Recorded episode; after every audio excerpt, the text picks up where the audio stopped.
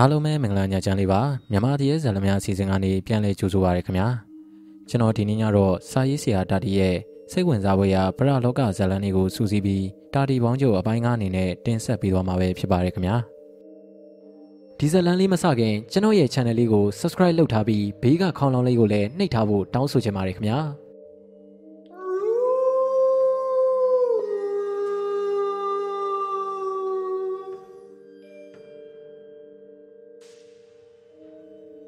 ကျုပ်တို့ညာနွေးဆိုတာကလှုပ်ကိုပူတာဗျတာတီဆိုတဲ့ကျုပ်ကလည်းအိမ်မြဲတာဆိုလို့ဒီယာလီပဲရှိတာလေဗျာ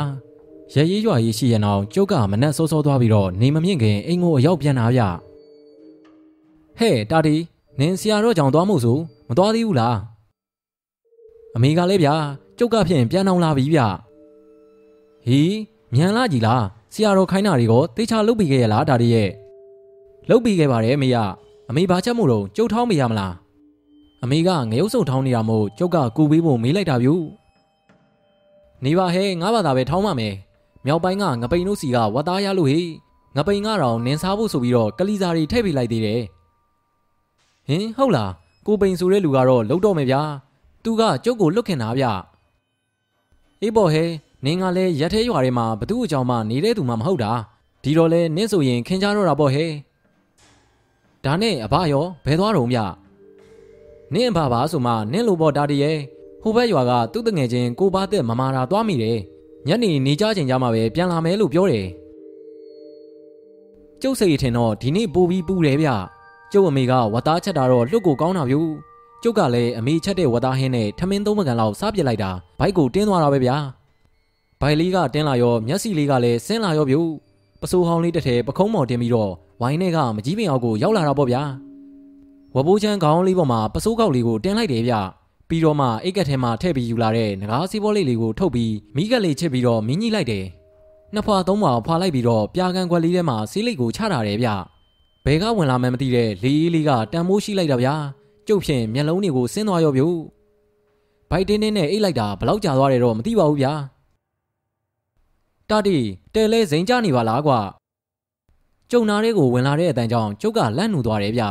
မျက်စိဖွင့်ကြည့်လိုက်တော့ကျုပ်အိတ်နေတဲ့ကိုပြည့်ရဲ့ဘေးမှာရက်နေတဲ့ခြေထောင်နှချောင်းကိုတွေးလိုက်တယ်။ယားရဲကိုစီးတဲ့တာယာဖက်နဲ့စီးထားတာဗျ။ပစိုးအပြာခွက်နဲ့ဗျို့။ခြေထောက်ကိုကြည့်ုံနဲ့ဘသူဆိုတာကျုပ်ကလည်းမသိဘူးလေဗျာ။ကျုပ်မျက်လုံးတွေကိုမနှဲဖွင့်ပြီးတော့မျက်နှာကိုမော့ကြည့်လိုက်တယ်။ဟာကိုဗလားပါလား။ကျုပ်ကပြပြသလဲပဲထားလိုက်တယ်။ဆရာမနန်ရွာကကိုဗလားလေဗျာ။ဆရာမနိုင်ဆိုတာကကျုပ်တို့ရွာရဲ့မြောက်ဘက်ကရွာပေါ့ဗျာ။နီးတော့မနီးလာဘူးဗျ။ရှစ်မိုင်လောက်ဝေးတယ်။ ငါကောင်ကတော့ဇိမ်ပြတ်သွားပြီထင်တယ်ဟေးမပြတ်ပါဘူးကိုဗလာရာလာလေဗျာထိုင်အောင်ဗျကိုဗလာကကိုပြက်မှာဝင်းထိုင်နေကျုပ်ကလည်းအိမ်မော်ကြပြားကြရာတက်ပြီးတော့ဆေးလိတ်ခွက်နဲ့ရေနွေးအကျန်းအိုးအကျန်းပကံလေးတွေယူလာတာပေါ့ဗျာအမေကိုလည်းလက်ဖက်လေးတုပ်ပြီးဖို့ပြောခဲ့ရသေးတယ်ဗျကိုဗလာကကျုပ်စီကိုတခါမှလာဘူးတာမဟုတ်ဘူးဗျရွာချင်းကလည်းလှမ်းနေလीဗျာရောက်တော့မှကျုပ်ကအဲဝစ်ကြည့်နေတာပါကျုပ်ကငကားစီးဘောလိတ်တလိတ်ကိုမြင်းညိပြီးတော့ကိုဗလာကိုပေးလိုက်တယ်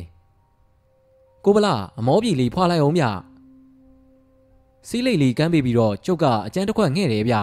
ကျုပ်တို့အညာမာကနေပူတွေကလာတဲ့သူကိုရင်နွေးချမ်းပဲတိုက်ကြတာဗျဒါမှချွေးလေးတဆူဆူနဲ့နေလိုကောင်းတာဗျဗျုံကနေရေးတောက်လိုက်ရင်အပူငုတ်သွားမှကြောက်တာလေဗျအမေကလည်းလက်ဖက်ပွဲယူပြီးတော့လာချပေးတယ်ဗျအမေဒါကဆရာမနိုင်ရွာကကိုဗလာကြီးလေဗျာ ငွေရင်းကုန်းကအကြီးမစိန်တို့အလှူသွားတော့ကလှဲလန်းမှာမှုချင်းတွေးလို့ဆိုပြီးမှုရီနှုတ်လာပြီးတော့အမေကိုပေးလိုက်တဲ့ကိုဗလာလေ။အော်မှတ်မိပြီမောင်လာရေမတွေးတာကြတော့ဗျုံစားကြီးမမှတ်မိလို့ဟေးဘလို့မှတော့မအောင်မိပါနဲ့ကွယ်။ကဲကဲလက်ဖက်စားအကျန်းတော့ပြီးတော့ညီကိုနှစ်ယောက်စကားပြောကြအောင်။ဒါနဲ့မင်းအဖေအမေတွေကကျမ်းမာရလားကွယ်။ဟုတ်ကဲ့ကြီးကျမ်းမာပါတယ်။အေးအေးပြောကြအောင်ကွယ်။အမေအိမ်ပေါ်ပြန်တက်သွားတော့မှကိုဗလာကလက်ဖက်နှစ်စုံကိုဇက်တိုက်ခတ်စားလိုက်တယ်။ ရေနွေးပူပူတပကံကိုလည်းဖူကနေဖူကနေမှုတ်ပြီးတော့တရှူးရှူးနဲ့တောက်တော့တာဗျို့ကိုဗလာကြီးဘာနဲ့လာတာတော့မြလှဲနဲ့လာတာဒါတည်းလှဲကိုငါတို့ရွာသားတယောက်မောင်းတာကွာရွာမြောက်ပိုင်းမှာသူ့ရဲ့ဒွေးလေးရှိတော့လှဲကိုအဲ့ဒီဝိုင်းမှာပဲဖြုတ်ထားတယ်ကွာဟာကိုဗလာကြီးကလည်းဗျာသူ့ကိုပါခေါ်ခဲ့ပြီးရောအာနာစရာရှိတာမှမဟုတ်တာဗျအာနာလို့မဟုတ်ဘူးတာတည်းငါကကိစ္စတခုရှိလို့မင်းစီကိုလာတာကွာ မင်းနဲ့ငါနဲ့ပြောတဲ့စကားတွေကိုတခြားလူမသိစေချင်လို့ခေါ်မလာခဲ့တာကွာကိုဗလားကခတ်တူတူပြောတယ်ဗျပြီးတော့ငကားစီးဘောလေးကိုဖွာနေပြန်ရောဗျ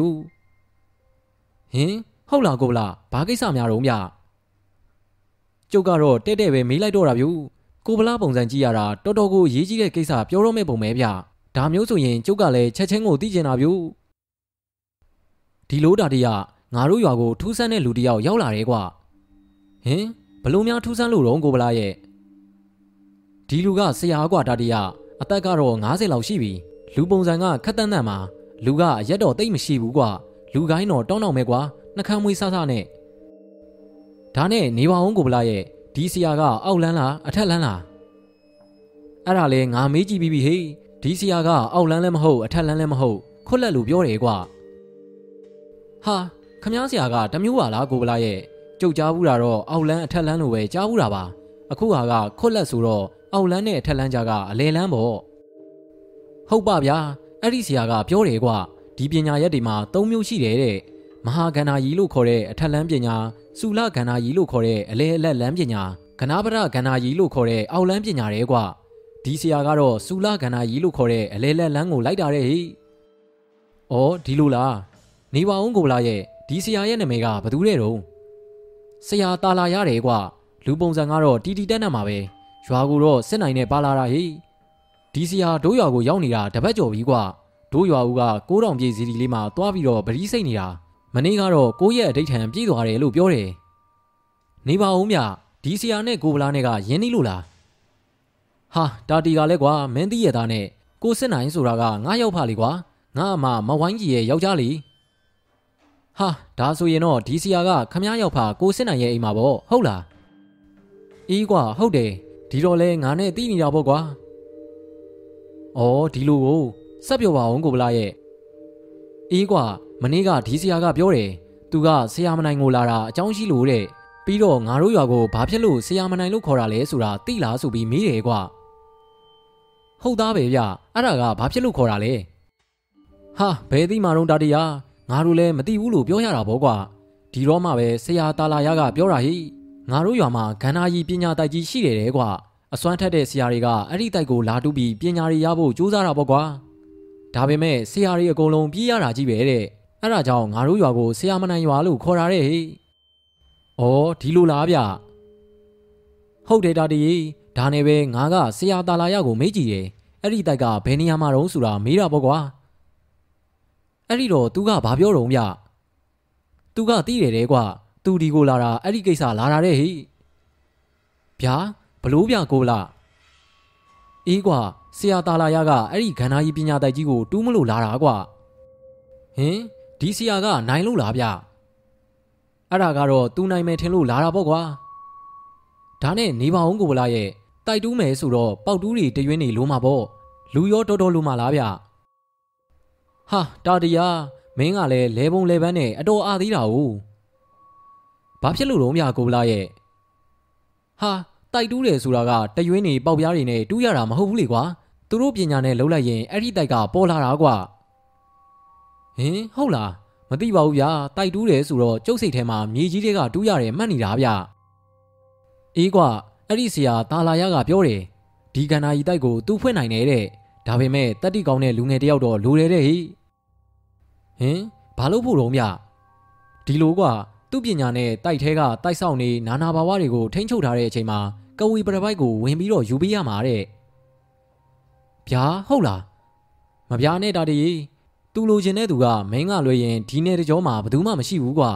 ပြီးတော့ပြောသေးတယ်တာတီကသူ့ကိုကိုညီတဲ့သူကိုတန်ဖိုးမဖြတ်နိုင်တဲ့ရုပ်ထုလေးတစ်ခုလက်ဆောင်ပေးမယ်တဲ့ဟိဟင် ဘာရုပ်ထုလုံးမြပီယာဘက်မှာအတော်ဆွမ်းနေဆိုပဲငါ့ကိုတော့ထုတ်ပြဘူးတယ်အနီရောင်ဂရီပါအိတ်ရှုံလေးနဲ့ထည့်ထားတာဟိဘာရုပ်လေးတုံးမြအဝေးအစားမပါတဲ့ယောက်ျားပြူတယောက်နဲ့မိန်းမပြူတယောက်မတက်ရက်ပြီးတော့ဖတ်ထားတဲ့ပုံကွာတော်တော်ကိုလက်ရမြောက်တာဟိအရွယ်အစားကလက်ညှိုးလုံးလောက်လေးပဲရှိတာကွာပြီးတော့ရွှေချထားတာဟိဟင်ဟုတ်လားစီးစီးရင်ထားတာထင်တယ်ဟာတေးကြတာပေါ့ဒါတီယာစွမ်းချက်ကတော့ကန်းကုံဆိုရဲကွာ မိမငွေကြေးစီးပွားရေးဘာမှပြောစရာကိုမလိုဘူးတဲ့ဟိပြောသမျှမအောင်တာမရှိစရာဘူးဆိုရဲဒါတီယာကိုဗလာကပြောပြီးတော့ငကားစီးပွားလေးလေးဖွာနေပြန်ရောဗျူကျုပ်ကသူပြောတာတွေကိုနားထောင်နေတာလေဗျာကျုပ်ကအဲ့ဒီပီယာတို့အယုတ်ဆိုတာတွေကိုစိတ်မဝင်စားပါဘူးဗျာကျုပ်စိတ်ဝင်စားတာကဒီစီယာတိုက်တူးမဲ့ကိစ္စဆိုတာပါကျုပ်သူ့စီကဘာမှကိုမလိုချင်ပါဘူးဗျာသူတိုက်တူးတာကိုတွေးကျင်မြင်ချင်တာပဲရှိတာပါ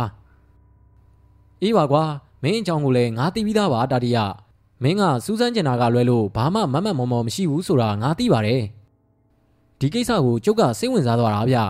တိုက်တူးတယ်ဆိုတာကိုကြားတာကြားဘူးတာတခါမှမြင်ဘူးတာမဟုတ်ဘူးလေဗျာပြီးတော့ဆရာတာလာရဆိုတဲ့လူအခုတူးမဲ့တိုက်ကခန္ဓာရည်ပညာတိုက်ဆိုပဲကျုပ်ကကဝေးပရပိုက်ကြီးကိုဝင်ယူပေးရမှာဆိုပဲဗျတာတီပဲဗျာဒီလိုပွဲကြီးပွဲကောင်းမျိုးကိုဘယ်လက်လွတ်ခံမှမလဲကဲကိုဗလာပြောဗျာကျုပ်ဘယ်နေ့လာရမှာတော့ ကျုပ်ကရုတ်တရက်မိလိုက်တော့ကိုဗလာကအံ့ဩသွားတဲ့ပုံပဲဗျဖွာတော့မလို့လုံနေတဲ့ဆေးလိတ်ကလေးတော်မှပြန်ခွာလိုက်တယ်ဗျတာတီဒါဆိုရင်မင်းလာမှာပေါ့ဟုတ်လားလာရမယ့်ရက်ကလာပြင်းနေကွာငါလည်းလိုက်မှာတာတီဗျာကိုဗလာပါလိုက်မှာလားအေးကွာဒါပေမဲ့ငါကမင်းလိုတော့တိုက်ထဲကိုမဝင်ရဲဘူးကွာဆရာတာလာရကငါ့ကိုအပြင်ဆောင်အနေနဲ့ခေါ်ထားတာမင်းနဲ့ဆရာတာလာရတိုက်ထဲဝင်ရင်ငါကအပြင်ကဆောင်းရမှာပေါ့ကွာ ကိုဗလာကကျုပ်လိုက်မယ်လို့ပြောတော့ဝမ်းသာသွားပြီးပျော်သွားတဲ့ပုံပဲဗျို့ပျော်ပြီးတော့တဟားဟားရည်နေတော့တာဗျကဲကိုဗလာစိတ်ချလက်ချတာပြန်ပြီးတော့ဗျို့လာပြည့်နေ့ရောက်ရင်မနှက်စောစောထပြီးတော့ကျုပ်လာခဲ့မယ်ကုန်းเจ้าတော်မလာပါနဲ့ကွာငါလှဲလွတ်ပြီးတော့ခေါ်ခိုင်းလိုက်ပါမယ်မလိုပါဘူးကိုလာရကျုပ်မိုးမလင်းခင်ထပြီးတော့ရှောက်လာခဲ့ပါမယ်လှဲလွတ်မနေနဲ့ခမ ्या တို့ဆရာမနိုင်ကိုနှစ်နာရီလောက်ရှောက်ရင်ရောက်ပါတယ်ဗျာ အဲ့ဒီနေ့ကကိုဗလာကကျုပ်နဲ့စကားပြောပြီးတော့ညနေ3နာရီလောက်ပြန်သွားတယ်ဗျကိုဗလာပြန်သွားပြီးမှအမေကကျုပ်ကိုမေးတယ်ဟဲ့တာတီနင့်စီကိုဗလာကဘာလာလောက်တာတော့သူတို့ရွာမှာဆရာတယောက်ရောက်နေတာကိုလာပြောတာအမေရဲ့ဟဲ့ဘာဆရာတော့တိုက်ဆရာလို့တော့ပြောတာပဲအမေတာတီနော်ပေါက်ကရတွေလိုက်မလုံးနဲ့ဟာမလုပ်ပါဘူးမေယာလိုက်ကြည့်ုံပါဗျကျုပ်ကအမေစိတ်အေးအောင်ပြောလိုက်ပေမဲ့အမေကတော့တီးပြီးသားပေါ့ဗျာ ကျုပ်ဘလောက်ဆက်ဆူတဲ့အကောင်လဲဆိုတာအမေကတီးပြီးသားပဲလေဗျာလာပြည့်နေ့ရောက်တော့မနက်ဝေလီဝေလင်းထပြီးကျုပ်ကထွက်လာတယ်ကျုပ်ကအညာသားဆိုပေမဲ့နေပူအားကြီးကြောက်တဲ့ကောင်မျိုးနေမပူခင်ဆရာမနိုင်ကိုရောက်အောင်လာခဲ့တာဗျဆရာမနိုင်ကိုရောက်တော့ရွာတောင်မိုင်းမှာနေတဲ့ကိုဗလားတို့အိမ်ကိုတန်းပြီးတော့လာခဲ့တာဗျဒီရွာမှာကကျုပ်နဲ့ရင်းနှီးတဲ့သူနဲတယ်ဗျခေါင်းနှလုံးနဲ့ဆောက်ထားတဲ့အင်ကြီးကိုမောကြည့်နေတော့မှပဲကိုဗလားရဲ့အတန်ကိုကြားလိုက်ရတာဗျဟဲ့ကောင်တတိလာကွာငါကမင်းကိုမျောနေတာ ဝိုင်းဝါမှာဘွားကနေပေါ်လာတဲ့ကိုဗလားကကျုပ်ကိုခေါ်တာဗျကျုပ်ကလည်းဝိုင်းထဲကိုဝင်ခဲ့တယ်ကိုဗလားကအိမ်တော်မရှိဘူးဗျအသက်30ကျော်လောက်တော့ရှိပြီကျုပ်ရောက်တဲ့အချိန်မှာကိုဗလားကတယောက်တည်းဗျသူတို့ရွာကအကျော်ရီဝယ်ထားတာရောစက်သားကြောင့်မီးဖုတ်ရောရေနွေးချမ်းနဲ့ပါအဲ့ခံနေဗျဒါကတော့ရွာတလေးပေါ့ဗျာကျုပ်လဲအမောပြေရင်နှွေးချမ်းတောက်ပြီးတော့အပန်းဖြေရတာပေါ့ညကကိုစစ်နိုင်တို့ရင်ရောက်တော့တောင်ဆရာတာလာရကငါ့ကိုမေးနေတာကွာမောင်တာဒီလာမှာတေးကြရဲ့လားတဲ့ မင်းမလာမှာကိုသူကစိုးရိမ်နေတာတာတရီကျုပ်ကကိုဗလာစကားကိုကြားတော့ပြုံးယုံမဲပြုံးပြလိုက်တယ်ဗျကျုပ်စိတ်ထဲမှာတော့ဒီလိုပွဲကြီးပွဲကောင်းမျိုးကိုတာတီဆိုတဲ့ကျုပ်ကလက်လွတ်ခံမမလားဗျာဆိုပြီးပြောနေမိတာပေါ့ဗျာကဲကိုဗလာကိုစစ်နိုင်တို့ရင်ကိုတွားကြရအောင်အေးအေးဒါဆိုလဲတွားကြရအောင်ကွာကျုံနဲ့ကိုဗလာကိုစစ်နိုင်တို့ဝိုင်းနဲ့ရောက်တာနဲ့အတန်ကကြားရတော့တာဗျူဟောလာပါပြီဗျာပွဲတိုင်းကြော်တဲ့ကိုတာတွေပါပဲဗျာ ကိုစစ်နိုင်ကအိမ်မော်ကနေလမ်းអော်ပြီးပြောတာဗျကျုပ်တို့အိမ်မော်တက်လိုက်တော့ခေါင်းရင်းမှာအခန့်သားထိုင်နေတဲ့လူတစ်ယောက်ကကျုပ်ကိုပြုံးပြပြီးနှုတ်ဆက်တယ်လာပါမောင်တာဒီကျုပ်ကမောင်တာဒီကိုစောင့်နေတာပါမောင်ရင်တဲ့တော့ကျုပ်ကကြားပြီးပါပြီလေအခုလိုကျုပ်ကိုလာပြီးကူညီတာကျုပ်ဖြင့်ဝမ်းသာလာပါရဲ့ကွယ်စိတ်ချပါစရာကျုပ်ကလည်းဒီလိုကိစ္စမျိုးဆိုလွတ်ကိုစိတ်ဝင်စားတာဗျဟာတော်တော်ကိုစိတ်ဝင်စားဖို့ကောင်းတာဟိဒီလိုပညာတတ်ကြီးတွေကကဘာပေါ်မှာစုစုပေါင်း၁၁ခုပဲရှိတာ ဒိုးနိုင်ငံမှာအဓိကရ၃ခုရှိတာကွအခုဆရာမနိုင်တိုက်ကတခုပေါ်မောင်တာတည်းရဲ့ဒီတိုက်မှာရှိတဲ့ကဝေးပရပိုက်ကအစင်းမြင့်ပညာတွေပါတယ်မောင်တာတည်းရဲ့အဲ့ဒါကြောင့်လဲရှေးဆရာကြီးတွေကဂမ်ဘီယာတိုက်လို့ခေါ်ကြတာကွ။အော်ဘလူပညာတွေများပါလို့လဲဆရာရဲ့မောင်တာဒီနားလေအောင်ပြောရရင်တော့ကိုဖြောက်တဲ့ပညာမျိုးပေါ့ကွာ။ဗျာကိုပြောက်တယ်ဟုတ်လားဆရာ။ဟုတ်တယ်မောင်တာဒီရေတကယ်တမ်းတော့ကိုပြောက်တာမဟုတ်ဘူးကွ။ကိုဖော့ပြီးတော့ခုံသွားတာပါ။ ခုံနာကမြန်လုံးတော့ကိုပြောက်သွားတယ်လို့ထင်ရတာပေါ့။အဝေးကြီးကိုရောက်အောင်ခုံနိုင်တာဟိ။အမြင့်ကြီးတွေကိုလည်းခုံတက်နိုင်တယ်ကွာ။မျက်စိရောက်ကနေဖြက်ကနေဖြက်ကနေပျောက်သွားတာဆိုတော့ကိုပျောက်သွားတာလို့ပဲထင်ရတာပေါ့လေ။အော်ဒီလိုပညာမျိုးတွေကတကယ်ရှိနေတာ ਉ ရှိပါပြီလားမောင်တာတီရဲ့အခုပြောတာကအဲ့ဒီပရပိုက်ထဲမှာပါတဲ့ပညာတစ်မျိုးပဲရှိသေးတာကွသူ့ထက်ဆွမ်းတဲ့ပညာတွေလည်းပါသေးတယ်ဥပမာကြီးကနေရွှေဖြစ်အောင်လုပ်နိုင်တဲ့ပညာမျိုးပေါ့ကွယ်ဗျာ ကြီးကနေရွှေဖြစ်တယ်ဟုတ်လားဆရာဟုတ်ပါပြီလားမောင်တာတီရဲ့တကယ်ကိုဖြစ်တာကွဒါကြောင့်လေဒီပရပိုက်ကိုတိုက်ကြီးနဲ့ဝှက်ပြီးတော့အဆောင်နေနဲ့စောင့်ကြက်နေရတာပေါ့ကွယ်ဆရာမနိုင်တိုက်ကိုတူးဘူးတဲ့သူတွေရောရှိလားဆရာဟာရှိတယ်ကွာရှိတယ်ဒါပေမဲ့အောင်တဲ့သူတော့မရှိသေးဘူးဟေ့ရေကူးပြီးပြန်ရတဲ့လူတွေပဲများတယ်ကွာဟင်ဟုတ်လားဆရာအေးဟုတ်တယ်ကွကွင်းမြင့်ကြီးကိုရေပြင်ကြီးမှတ်ပြီးတော့ဝရားထိုးကူးကြတာဆိုပဲ မနဲ့လင်းလို့နေထွက်လာတော့မှဒူးတွေလက်တွေစုပ်ပြေကုန်တာဆိုပဲဟေ့စိတ်မရှိပါနဲ့ဆရာကျုပ်တခုမေးပြရစီမေးပါမောင်တာတီရဲ့မေးပါမောင်တာတီကကျုပ်ကိုအခုမှမြင်မှုတာပဲကျုပ်ကိုယုံပြီးတော့အသက်ဆွန့်လိုက်ရမယ်လူလေသိကျင်တာကိုအားမနာပဲနဲ့မေးနိုင်ပါတယ်ဆရာကရောဒီတိုက်ကိုနိုင်မယ်လို့ထင်လားဟာတိတ်ကိုမေးတိုက်တဲ့မေးခွန်းမဲမောင်တာတီရေမောင်ရင်ကိုကြုတ်ကြားဘူးတာထက်တောင်ပို့ပြီးတော့သဘောကျသွားပြီကွစိတ်တော်မရှိပါနဲ့ဆရာရဲ့ ကျုပ်ကလည်းမေးတာမေးရတာစိတ်ထဲတော့အားနာမိတယ်ဗျဘာမှမဖြစ်ပါဘူးကွာဒီကိစ္စအတွက်စိတ်ချပါမောင်တာတီရဲ့ကျုပ်ကတိုက်ဆောက်နေနာနာဘာဝတွေမကောင်းဆိုးဝါးတွေကိုနိုင်ပါတယ်ကဲမောင်တာတီကိုကျုပ်လက်တွေ့ပြမယ်ဆရာတာလာရကပြောပြောဆူဆူပဲတမလင်ခွေထိုင်လိုက်တယ်ဗျတကယ်ကိုဟန်ပါပါနဲ့ထိုင်လိုက်တာဗျပြီးတော့သူ့လက်ဘင်းမှာပတ်ထားတဲ့ပဝါဖြူဖြူလေးကိုဖြုတ်ယူပြီးတော့ကျမ်းမြင့်မှာဖြန့်ချလိုက်တယ်ပြီးတော့မှအထုပ်ကလေးတစ်ထုပ်ကိုထုတ်ပြီးတော့လက်နှစ်ဖက်နဲ့စုပ်ကန်လိုက်တယ် ပြီးတော့သူ့ရဲ့လက်နှစ်ဖက်ကိုနှစ်ဖူးပေါ်မှာတင်ပြီးတော့ပြောတော့တာဗျတန်တစ်တာကြောင့်တိုက်ကိုစောင့်ရတဲ့ညီမနှစ်ဖော်ဖြစ်တဲ့ရွှေပွင့်နဲ့ငွေပွင့်ခမညာဆရာတာလာရကအမိန်ပြန်လိုက်တယ်တိုက်ထဲကအဖိုးတန်ရတနာလက်တဆုပ်စာကိုခဏငားရမ်းမှာခဏအတွင်းဆရာပြန်ပေးပါမယ်ဆရာတာလာရကအဲ့ဒီလိုပြောပြီးတော့တူးတူးတူးတူးနဲ့ဆက်ပြောနေသေးတာဗျကဲရတနာကြီးရောက်ပြီမောင်တာကြီးဟောဒီမှာကြည့်ပြီတော့ကွဟာလှလိုက်တဲ့ရတနာကြီးဗျာ ဘီးမန်ထိုင်နေတဲ့ကိုစစ်နိုင်ကြီးကဝင်ပြောတာဗျကိုစစ်နိုင်ဒီရတနာတွေကတလုံးတလုံးကိုတင်းချိပြီးတော့တန်တာကွစိတ်နဲ့တော့မပြစ်မနဲ့ဟိနောင်ဖျားပွင့်ရင်ကျောင်းတော်ကြီးတွေစောက်ဖို့လှူထားကြတာကွဆရာအခုလိုယူလိုက်တော့လဲရတာပါပဲလားဘယ်ကသာယူလို့ရမှာလဲမောင်တာတီရဲ့အဆောင်နေပါလာတာကွမဟုတ်တာလို့လို့ကတော့အသက်ဘလို့ထွက်သွားမှန်းအောင်သိမှာမဟုတ်ဘူးဟိဟင်အဆောင်နေပါလာတယ်ဟုတ်လားဆရာဘာလဲမောင်တာတီကမယုံလို့လား ကဲနင်တို့မောင်လေးကိုစကြောလေးနှိပ်ပြလိုက်ကြပါကွယ်ဟာတကယ်ကိုနှိပ်တာဗျူဆရာတာလာရရဲ့စကားလဲဆုံးရောကျုပ်ရဲ့စကြောကိုနောက်ကနှိပ်တော့တာဗျဒါပေမဲ့ခတ်ဖောက်ပါလေးပါကျုပ်သိတာပေါ့ဗျာနှိပ်နေတာကမိမလဲဗျကျုပ်မျက်စိကတော့ပေါ်ဝါတွေကရတနာတွေကိုကြည့်နေမိတာပေါ့ဗျာ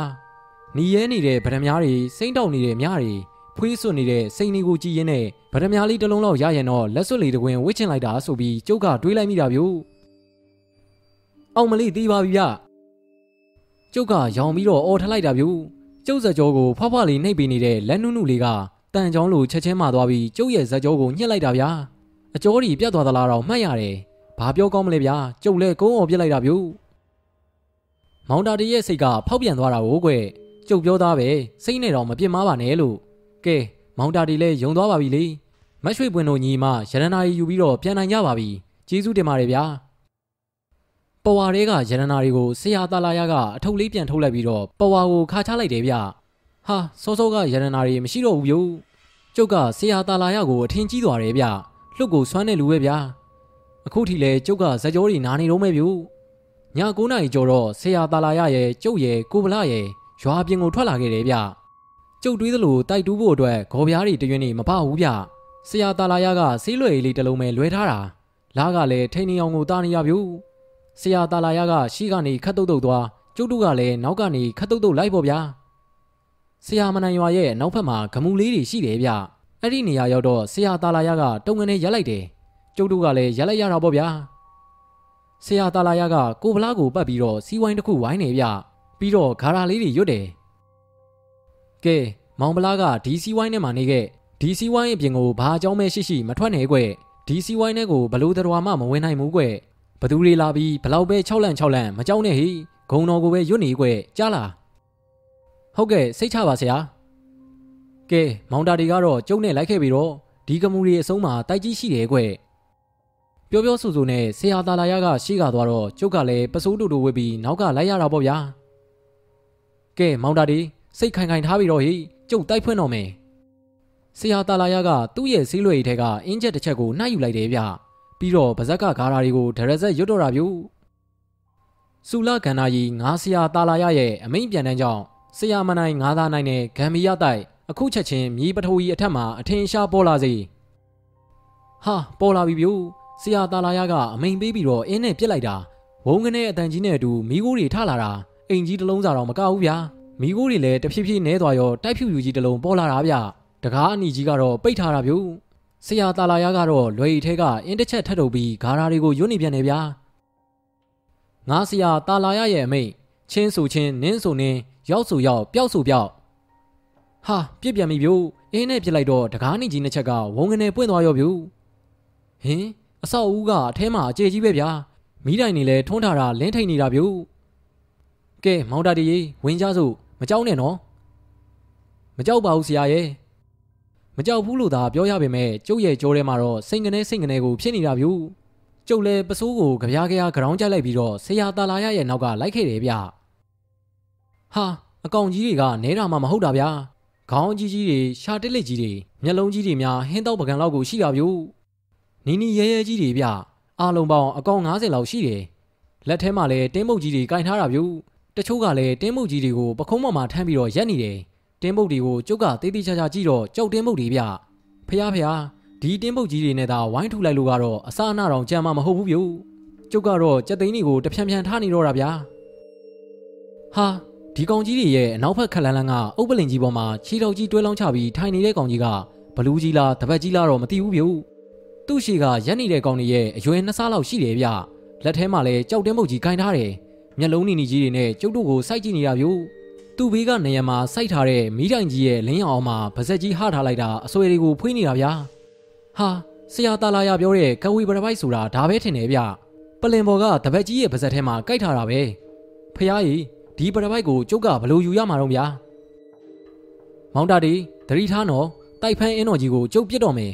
ကျုပ်အချက်ပေးလိုက်တာနဲ့တန်းပြေးပြီးတော့တပတ်ကြီးရဲ့ပေါင်မော်ကိုခုံတက်လိုက်ပြီးတာနဲ့ပရပိုက်ကိုယူပြီးတော့ခုံချခဲ့ပြီးတော့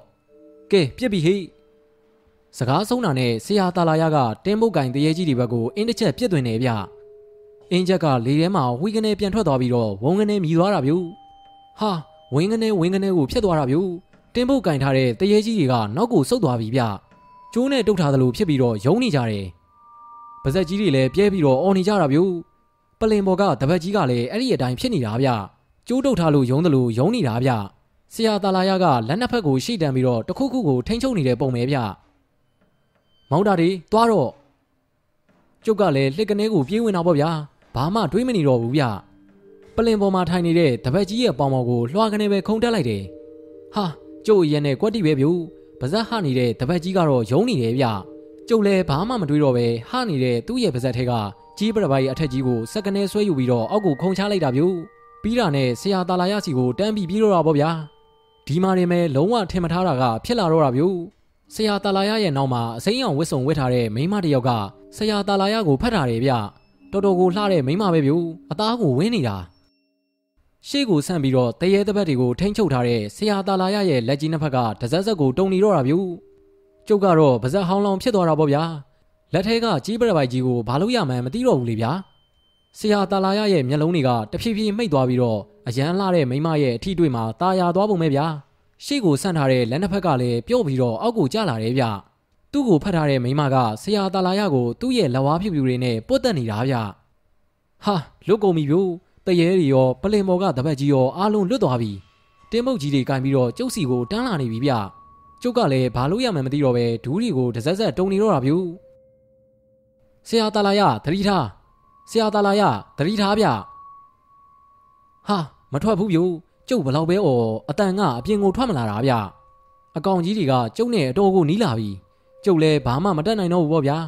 လက်ထဲကကြီးပရပိုက်ကြီးကိုကြမ်းမျက်မော်ပစ်ချပြီးတော့ပြေးတော့တာပေါ့ဗျာနောက်ကိုခြာကနေလှည့်ပြီးတော့တချို့တွေပြေးတာဗျို့တရေကြီးအကောင်90လောက်ကတင်းမုတ်ကြီးတွေမြောက်ပြီးတော့ကျုပ်ရဲ့နောက်ကိုလိုက်လာတယ်ဗျပလင်ဘော်ကတပတ်ကြီးရဲ့အတန်ကိုလည်းကြားလိုက်ရတယ်ကျုပ်ကပြေးရင်းနဲ့နောက်ကိုတစ်ချက်လှည့်ကြည့်လိုက်တာဗျို့ဟာထုချလိုက်ပြီဗျ တပတ်ကြီးကသူ့ရဲ့တင်းမုတ်ကြီးကိုလေထဲမှာမြောက်ပြီးတော့ဆရာတာလာရရဲ့ခေါင်းတက်တဲ့ကိုထုချလိုက်တာဗျာကျုပ်ကလည်းလေထဲမှာလွင့်နေအောင်ကိုပြေးတော့တာပေါ့ဗျာအဆောက်အဦကအရှိကြီးဗျကျုပ်တကားဝါကိုရောက်တော့တကားနီကြီးနှစ်ချက်ကပိတ်တော့မလို့ရွေးလာနေပြီကျုပ်လဲတကားဘောက်ကိုလွှာကနေခုံကျော်လိုက်ရတာပေါ့ဗျာကိုဗလာရေပြေးပြပြေးကျုပ်တော်တန်ကိုကြတော့ကျုပ်တို့ကိုစောင့်နေတဲ့စီဝိုင်းတွေကကိုဗလာကလည်းခြာကနေလှည့်ပြီးတော့ပြေးတော့တာဗျကျုပ်တို့နောက်ကတဝုံဝုံအတန်ကြီးကြားနေရပေမဲ့ ကျုပ်တို့လည်းနောက်ကိုလှည့်မကြည့်ပဲရွာရောက်ပြန်ပြေးကြတာပေါ့ဗျာရွာထဲကိုရောက်တော့ကိုဗလာအိမ်ကိုတန်းလာပြီးအမောဆုမတက်ဖြစ်နေတော့တာဗျအမောပြေသွားတော့ဖြစ်ပျက်သမျှတွေကိုကျုပ်ကကိုဗလာကိုပြောပြတယ်ဗျတညလုံးလည်းအဲ့လိုမပြောပါဘူးဗျာနောက်တနေ့မနက်စောစောမှာကိုဗလာနဲ့ကျုံနဲ့ညကဂမီယာတိုက်ကြီးတူးတဲ့နေရာကိုတစ်ခေါက်သွားကြည့်ရဲ့ဗျဒါပေမဲ့တောင်ကမူလေးတွေကလွဲလို့ကွင်းမြင့်ကြီးအတိုင်းပါပဲဗျာထူးခြားတာဆိုလို့ဘာတစ်ခုမှမတွေ့ရဘူးဆရာတာလာရဆိုတဲ့စူလာဂန္နာကြီးကြီးကတော့ အဲ့ဒီညကစပြီးလူလောကတွေကနေအပီးပြောက်သွားတာပေါ့လေဆရာမနိုင်လို့ခေါ်ထိုက်ပါပဲရဲ့ဗျာအဲ့ဒီနေ့မှာပဲကိုဗလာကသူ့ရဲ့လဲနဲ့ကျုပ်ကိုရွာအထိပြန်ပို့ပေးတာပေါ့ဗျာ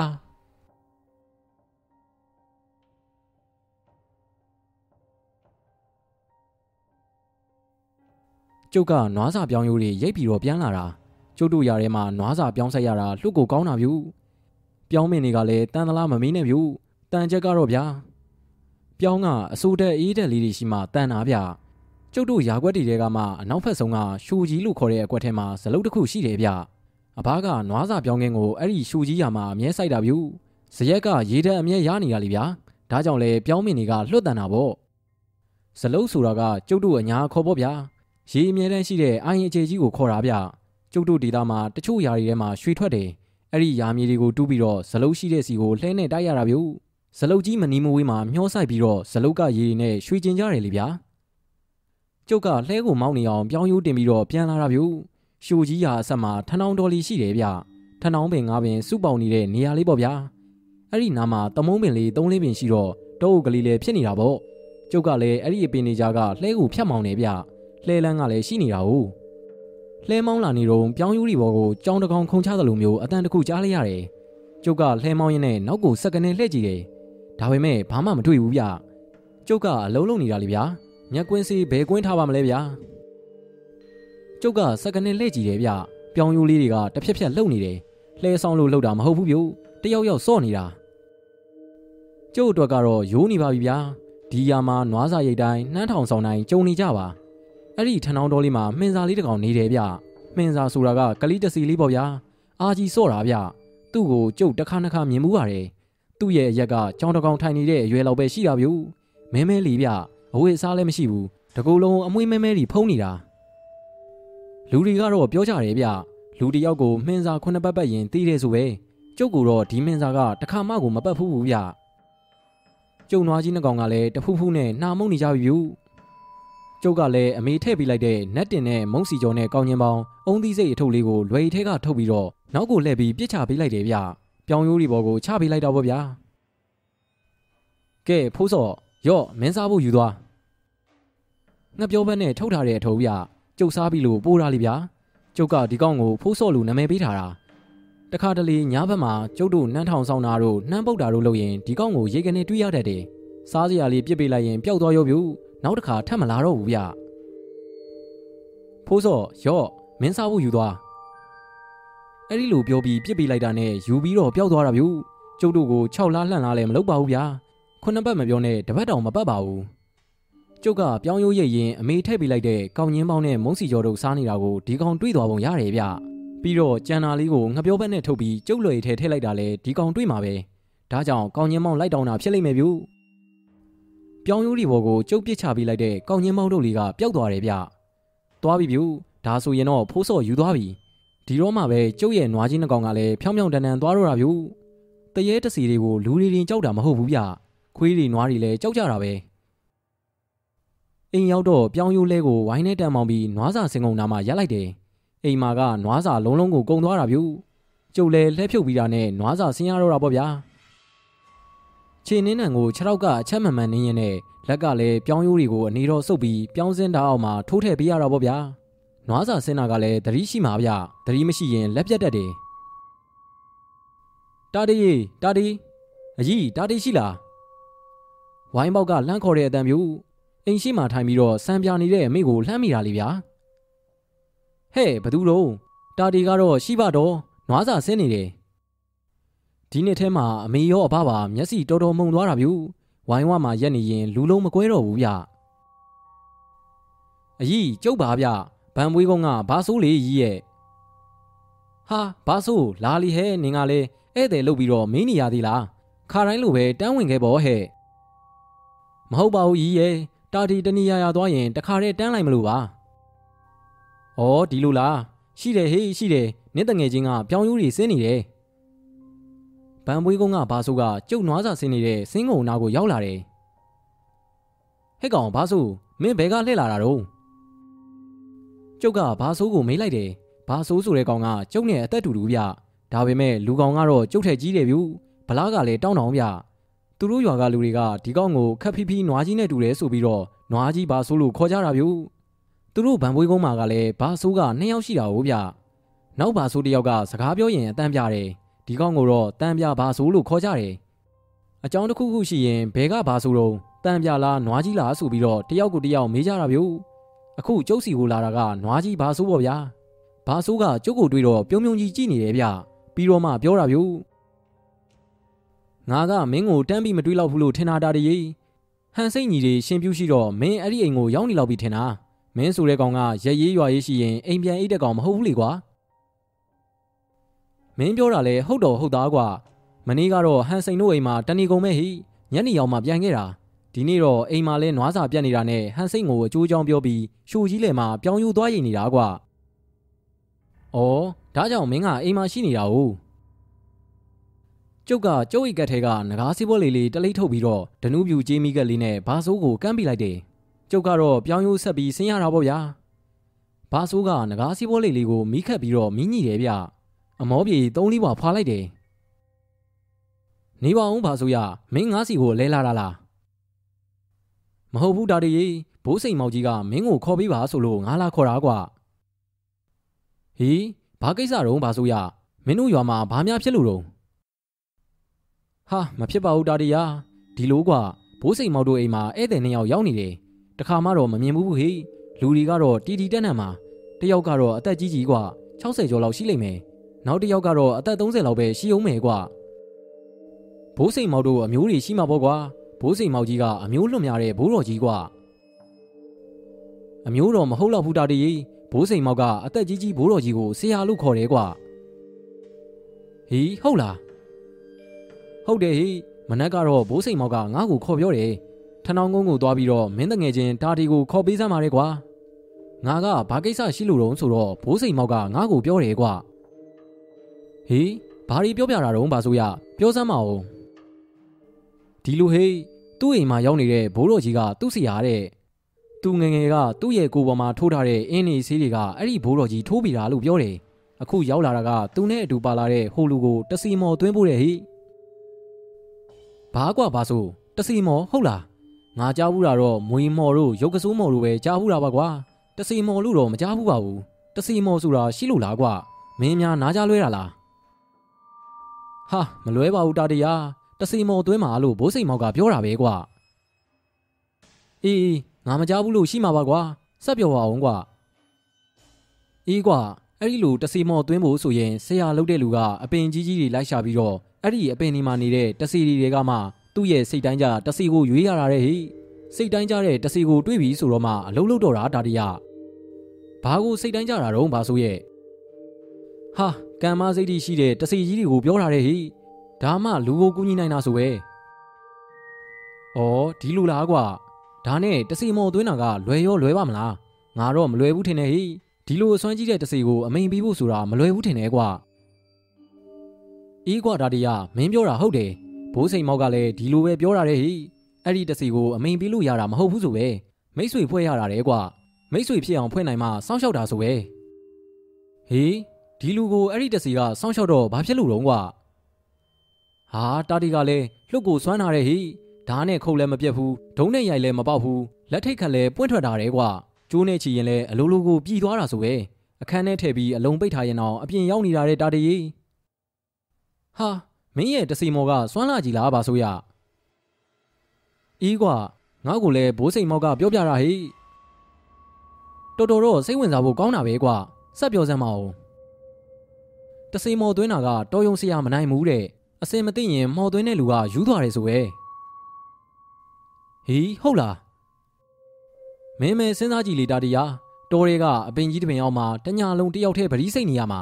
အဲ့ဒီမှာမှော်သွင်းပြီးတဲ့ဆရာကမနိုင်ရင်အချောက်လန့်ခံရပြီးတော့ယူသွားရောတဲ့ဟိတချို့ဆိုရင်ဘယ်ကိုထွက်သွားလို့ထွက်သွားမှန်းမသိတော့တာတဲ့မနက်မိုးလင်းလို့စီရင်တဲ့ဆရာကသွားကြည့်ရင်မရှိတော့ဘူးတဲ့ကွာဘယ်ရောက်သွားမှန်းကိုမသိတာတာတည်းအေးကွာတော်တော်တော့ကြောက်စရာကောင်းသားပဲပါဆိုရ တချို့ကြတော့လဲမိုးလင်းလို့သွားခေါ်ရင်တွတ်တွတ်လဲအောင်ယူပြီးတော့တဟားဟားနဲ့အော်ရီလိုက်တဟီးဟီးနဲ့ငိုလိုက်တယ်ဟိ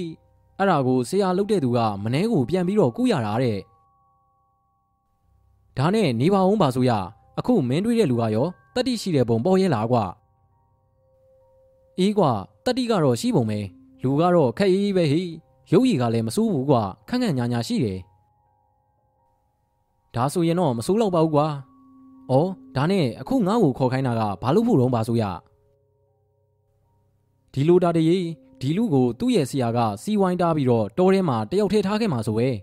အဲ့ဒီမှာမင်းကတောထဲကိုသူတို့နဲ့လိုက်သွားပြီးတော့ခလန်လန်းကနေစောင့်ကြည့်ရမှာတဲ့ဟိတကယ်လို့ဟိုလူကအခြေအနေမကောင်းလို့ဝူဝါဝါထဖြစ်ရင်မင်းကပြေးပြီးတော့အင်းနဲ့ပေါက်ရမှာကွာအဲ့ဒီဆရာကြီးကမင်းကိုအင်းတစ်ချက်ပေးมาတဲ့ဟိအဲ့ဒီအင်းနဲ့ပေါက်ပြီးရင်ရွာကိုတန်းပြန်လာရုံပဲတဲ့ဆရာကြီးကမနဲ့အာယုံမတက်ခင်လောက်ရောက်လာမှာဆိုပဲ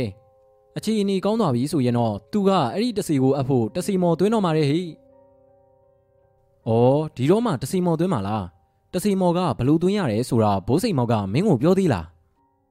။အေးပြောတယ်ကွာမြေကြီးပေါ်မှာပိတ်စအနီနဲ့အပြာကိုထပ်ခင်ပြီးတော့ကြော်ဝဲပြင်ရတာတဲ့။ကြော်ဝဲကငှက်ပြောနှစ်ဖီးနဲ့အုံသီးတစ်လုံးနဲ့ဟိ။အဲ့ဒီအုံသီးပေါ်မှာဖျောင်းနိုင်ထုံးပြီးတော့ဂါရာတပုတ်ကိုအဲ့ဒီဖျောင်းနိုင်မကုန်မချင်းမနာတန်းရွရရတယ်ဆိုပဲ။အဲ့ဒီဖျောင်းနိုင်ကလည်းရိုးရိုးဖျောင်းနိုင်မဟုတ်ဘူးတဲ့။ ကြီးမနိုးခင်ခူးထားတဲ့ကြီးမနိုးထမ်းရွက်အချောက်ကိုအဲ့ဒီလူရဲ့အရက်နဲ့အညီတိုင်းထားတဲ့အချီဂျိုခုနှစ်ပြန်ရှည်နဲ့စိနေအောင်ပတ်ရတာတဲ့ဟိအချီဂျိုပတ်ထားတဲ့ကြီးမနိုးထမ်းရွက်ကိုမီးစာလုပ်ပြီးတော့ဖျောင်းရည်သွင်းပြီးစီမံထားတဲ့ဖျောင်းနိုင်နေကွာဟာဟုတ်လားပါဆိုရဟုတ်တယ်တာဒီဂါရာယိုရဲနဲ့အဲ့ဒီဖျောင်းနိုင်မီကထွက်လာတဲ့မှိုင်းငွေတွေကိုပါဇက်နဲ့ရှူရှိုက်ပြီးတော့မျိုးချရတယ်ဆိုပဲဖျောင်းနိုင်ကုန်လို့မီးငိမ့်သွားရင်တော့အုံသီးပေါ်မှာကတ်နေတဲ့ဖျောင်းနေပြားတွေကိုချစ်ယူပြီးတော့ ပွဲကအုံသီးကိုထိတ်လှက်အုံရည်တွေကိုအဲ့ဒီဖျောင်းနေပြားတွေထည့်ဖြော်ရတယ်ဆိုပဲနေပါအောင်ကွာအဲ့ဒီအုံရည်ကိုဘာလို့ရတာတော့ဟာတောက်ရတာလီတာတရားတောက်ရတာကွာအဲ့ဒီလိုတောက်ပြီးရင်ဘာဖြစ်တာတော့ကွာဟာဒီလူကတစီမော်အောင်ရောပေါ့ကွာဩဒီလူလားဒါဆိုငါကဟိုဆရာကြီးပေးတဲ့အင်းကိုကိုင်းပြီးတော့ဒီလူကိုတညာလုံးစောင့်ကြည့်ရမှာပေါ့ဟုတ်လားပါဆိုအီးဟုတ်တယ်ကွာ ဒီလိုမျိုးကိုဘယ်သူမှလုပ်ရဲမှာမဟုတ်ဘူးလို့ဘိုးစိန်မောက်ကပြောတယ်မင်းကိုသာအကျိုးကြောင်းပြောပြီးတော့ခေါ်ခဲ့ဖို့ပြောတာဟိကျုပ်လဲဘာဆိုးနဲ့စကားပြောရင်ပြောင်းယူကိုမပြတ်ဆင်းလိုက်တာတင်းတောင်နှလုံးကိုပြည့်ရောပြူဗိုက်စာနေတဲ့ကျုပ်ရဲ့နွားကြီးတွေကိုပြောင်းယူလက်လက်ဆက်ဆက်ဒီကြပြားကြရာထည့်ပေးလိုက်တယ်နွားစာခွက်ထဲမှာဖြန့်ထည့်ပေးလိုက်တဲ့ပြောင်းယူကြီးတွေကိုဒီကောင်ကြီးနှကောင်ကအားရပါရကိုစားတော့တာဗျာအဖရဲ့နွားကြီးတွေကနွားဖီးကြီးတွေလေဗျာကျုပ်တို့ရွာကထိတ်တန်းစားနွားတွေထဲမှာပါတာပေါ့ဗျာ နေပါအောင်ပါဆိုရသူတို့ကိစ္စကဘယ်တော့လုံမာတဲ့တော့ဟာဒီညလီတာတီယာဒီညကနက်ခတ်တီမိတယ်လို့ပြောတာပဲကွာဟေးဒီညဟုတ်လားအေးလီလိုက်တာပေါ့ကွာမင်းသိတဲ့အတိုင်းပဲပါဆိုရငါဆိုတဲ့ကောင်ကလည်းဒီလိုထူးထူးဆန်းဆန်းကိစ္စမျိုးဆိုရင်လွတ်ကိုမြင်ချင်းတွေးချင်တာဟိပြီးတော့ဒီလိုကိစ္စမျိုးဆိုတာလဲကြုံဖို့ကလွယ်တာမဟုတ်ဘူးလေကွာကျန်တဲ့ပြောင်းရိုးတွေကိုလှဲဖို့မှာပဲဒီတိုင်းထားလိုက်တယ်ဗျ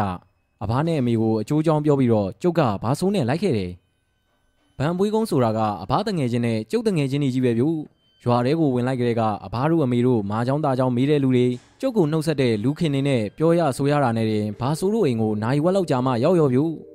။နွားကြီးဘာဆိုးနဲ့ဘိုးစိန်မောက်တို့အိမ်ကဝိုင်းချင်းကက်ရက်လေဗျာ။ဘိုးစိန်မောက်ကဘာဆိုးတို့ရဲ့မြောက်ဖက်ကကက်ရက်ဝိုင်းပေါ့ဗျာ။ဘာဆိုးတို့အိမ်မှာဝင်ပြီးတော့ရင်နွေးချမ်းတစ်ခွက်တောက်တယ်။ပြီးတော့ဘာဆိုးရဲ့အဘနဲ့အမေကိုနှုတ်ဆက်ရတာပေါ့ဗျာ။ ဘိုးစိန်နဲ့ရီးမြထွေးတို့ကလည်းအဘနဲ့အမေကိုသတင်းမေးကြတယ်ဗျဒီဘက်ဝိုင်းမှာကျုပ်အတန်ကြားကလေးကမြောက်ဖက်ဝိုင်းကဘိုးစိန်မောင်ကြီးကကျုပ်ကိုမျောနေတာဗျကျုပ်နဲ့ဘာဆိုသူ့ဝိုင်းကိုရောက်တော့ဘိုးစိန်မောင်ကပြောတယ်ဗျငါတူတာတီတို့များကွာကိစ္စရှိမှပဲဘိုးတို့စီကိုရောက်တော့တာဟိအလွတ်မဲ့လာလေတယ်လို့ကိုမရှိပါဘူးကွာကျုပ်တို့ညာသားထုံးစံပေါ့ဗျာတွေ့တာနဲ့လွမ်းတော့တာဗျ မအားလို့ပါဘိုးရအဘကလည်းအသက်ကြီးလာပြီဆိုတော့အဘသက်တာအောင်ကျုပ်ကပဲယာကိစ္စအင်းကိစ္စတွေအကုန်လုံးရတာဗျ။အေးကွာဒါတော့လေဟုတ်သားဒါတွေကဒါနဲ့နေပါဦးမင်းအဘကိုညံကအသက်ဘလောက်ရှိပြီတော့။အော်ကိုစိန်မောက်ရဲ့ကိုညံနဲ့ကျုံနဲ့ကမီးဝင်မီးထွက်တွေတော့ကျုပ်65နှစ်ဆိုတော့ကိုညံကလည်း65နှစ်ပေါ့တော့ဘိုးစိန်မောင်ရဲ့မိန်းမအကြီးမေကျော်ကဝင်ပြောတယ်ဗျအကြီးမေကျော်ပြောတဲ့အဖားရဲ့အသက်ကဟုတ်တယ်ဗျ ကျုပ်အဖားအသက်က65နှစ်ရှိပြီလေဗျာအေးအေးမင်းလိုက်လာတော့ဝမ်းသာတယ်တာတီလာလာအိမ်မော်တက်ကျုံနဲ့ဘာဆိုးနဲ့အပေါ်ကိုတက်ခဲ့တယ်ဘိုးစိန်မောင်ကဗန်ပွေးကုန်းမှာလူချမ်းသာစင်းရင်ဝင်ဗျသူသမီးများစိန်တဲ့ကျုပ်ကိုသဘောတူထားတာကျုပ်ကလည်းကျုပ်ရီးစားလှရင်မရှိတော့ကြတဲ့ကဒီကိစ္စတွေကိုလုံးဝစိတ်မဝင်စားတော့ပါဘူးဗျာ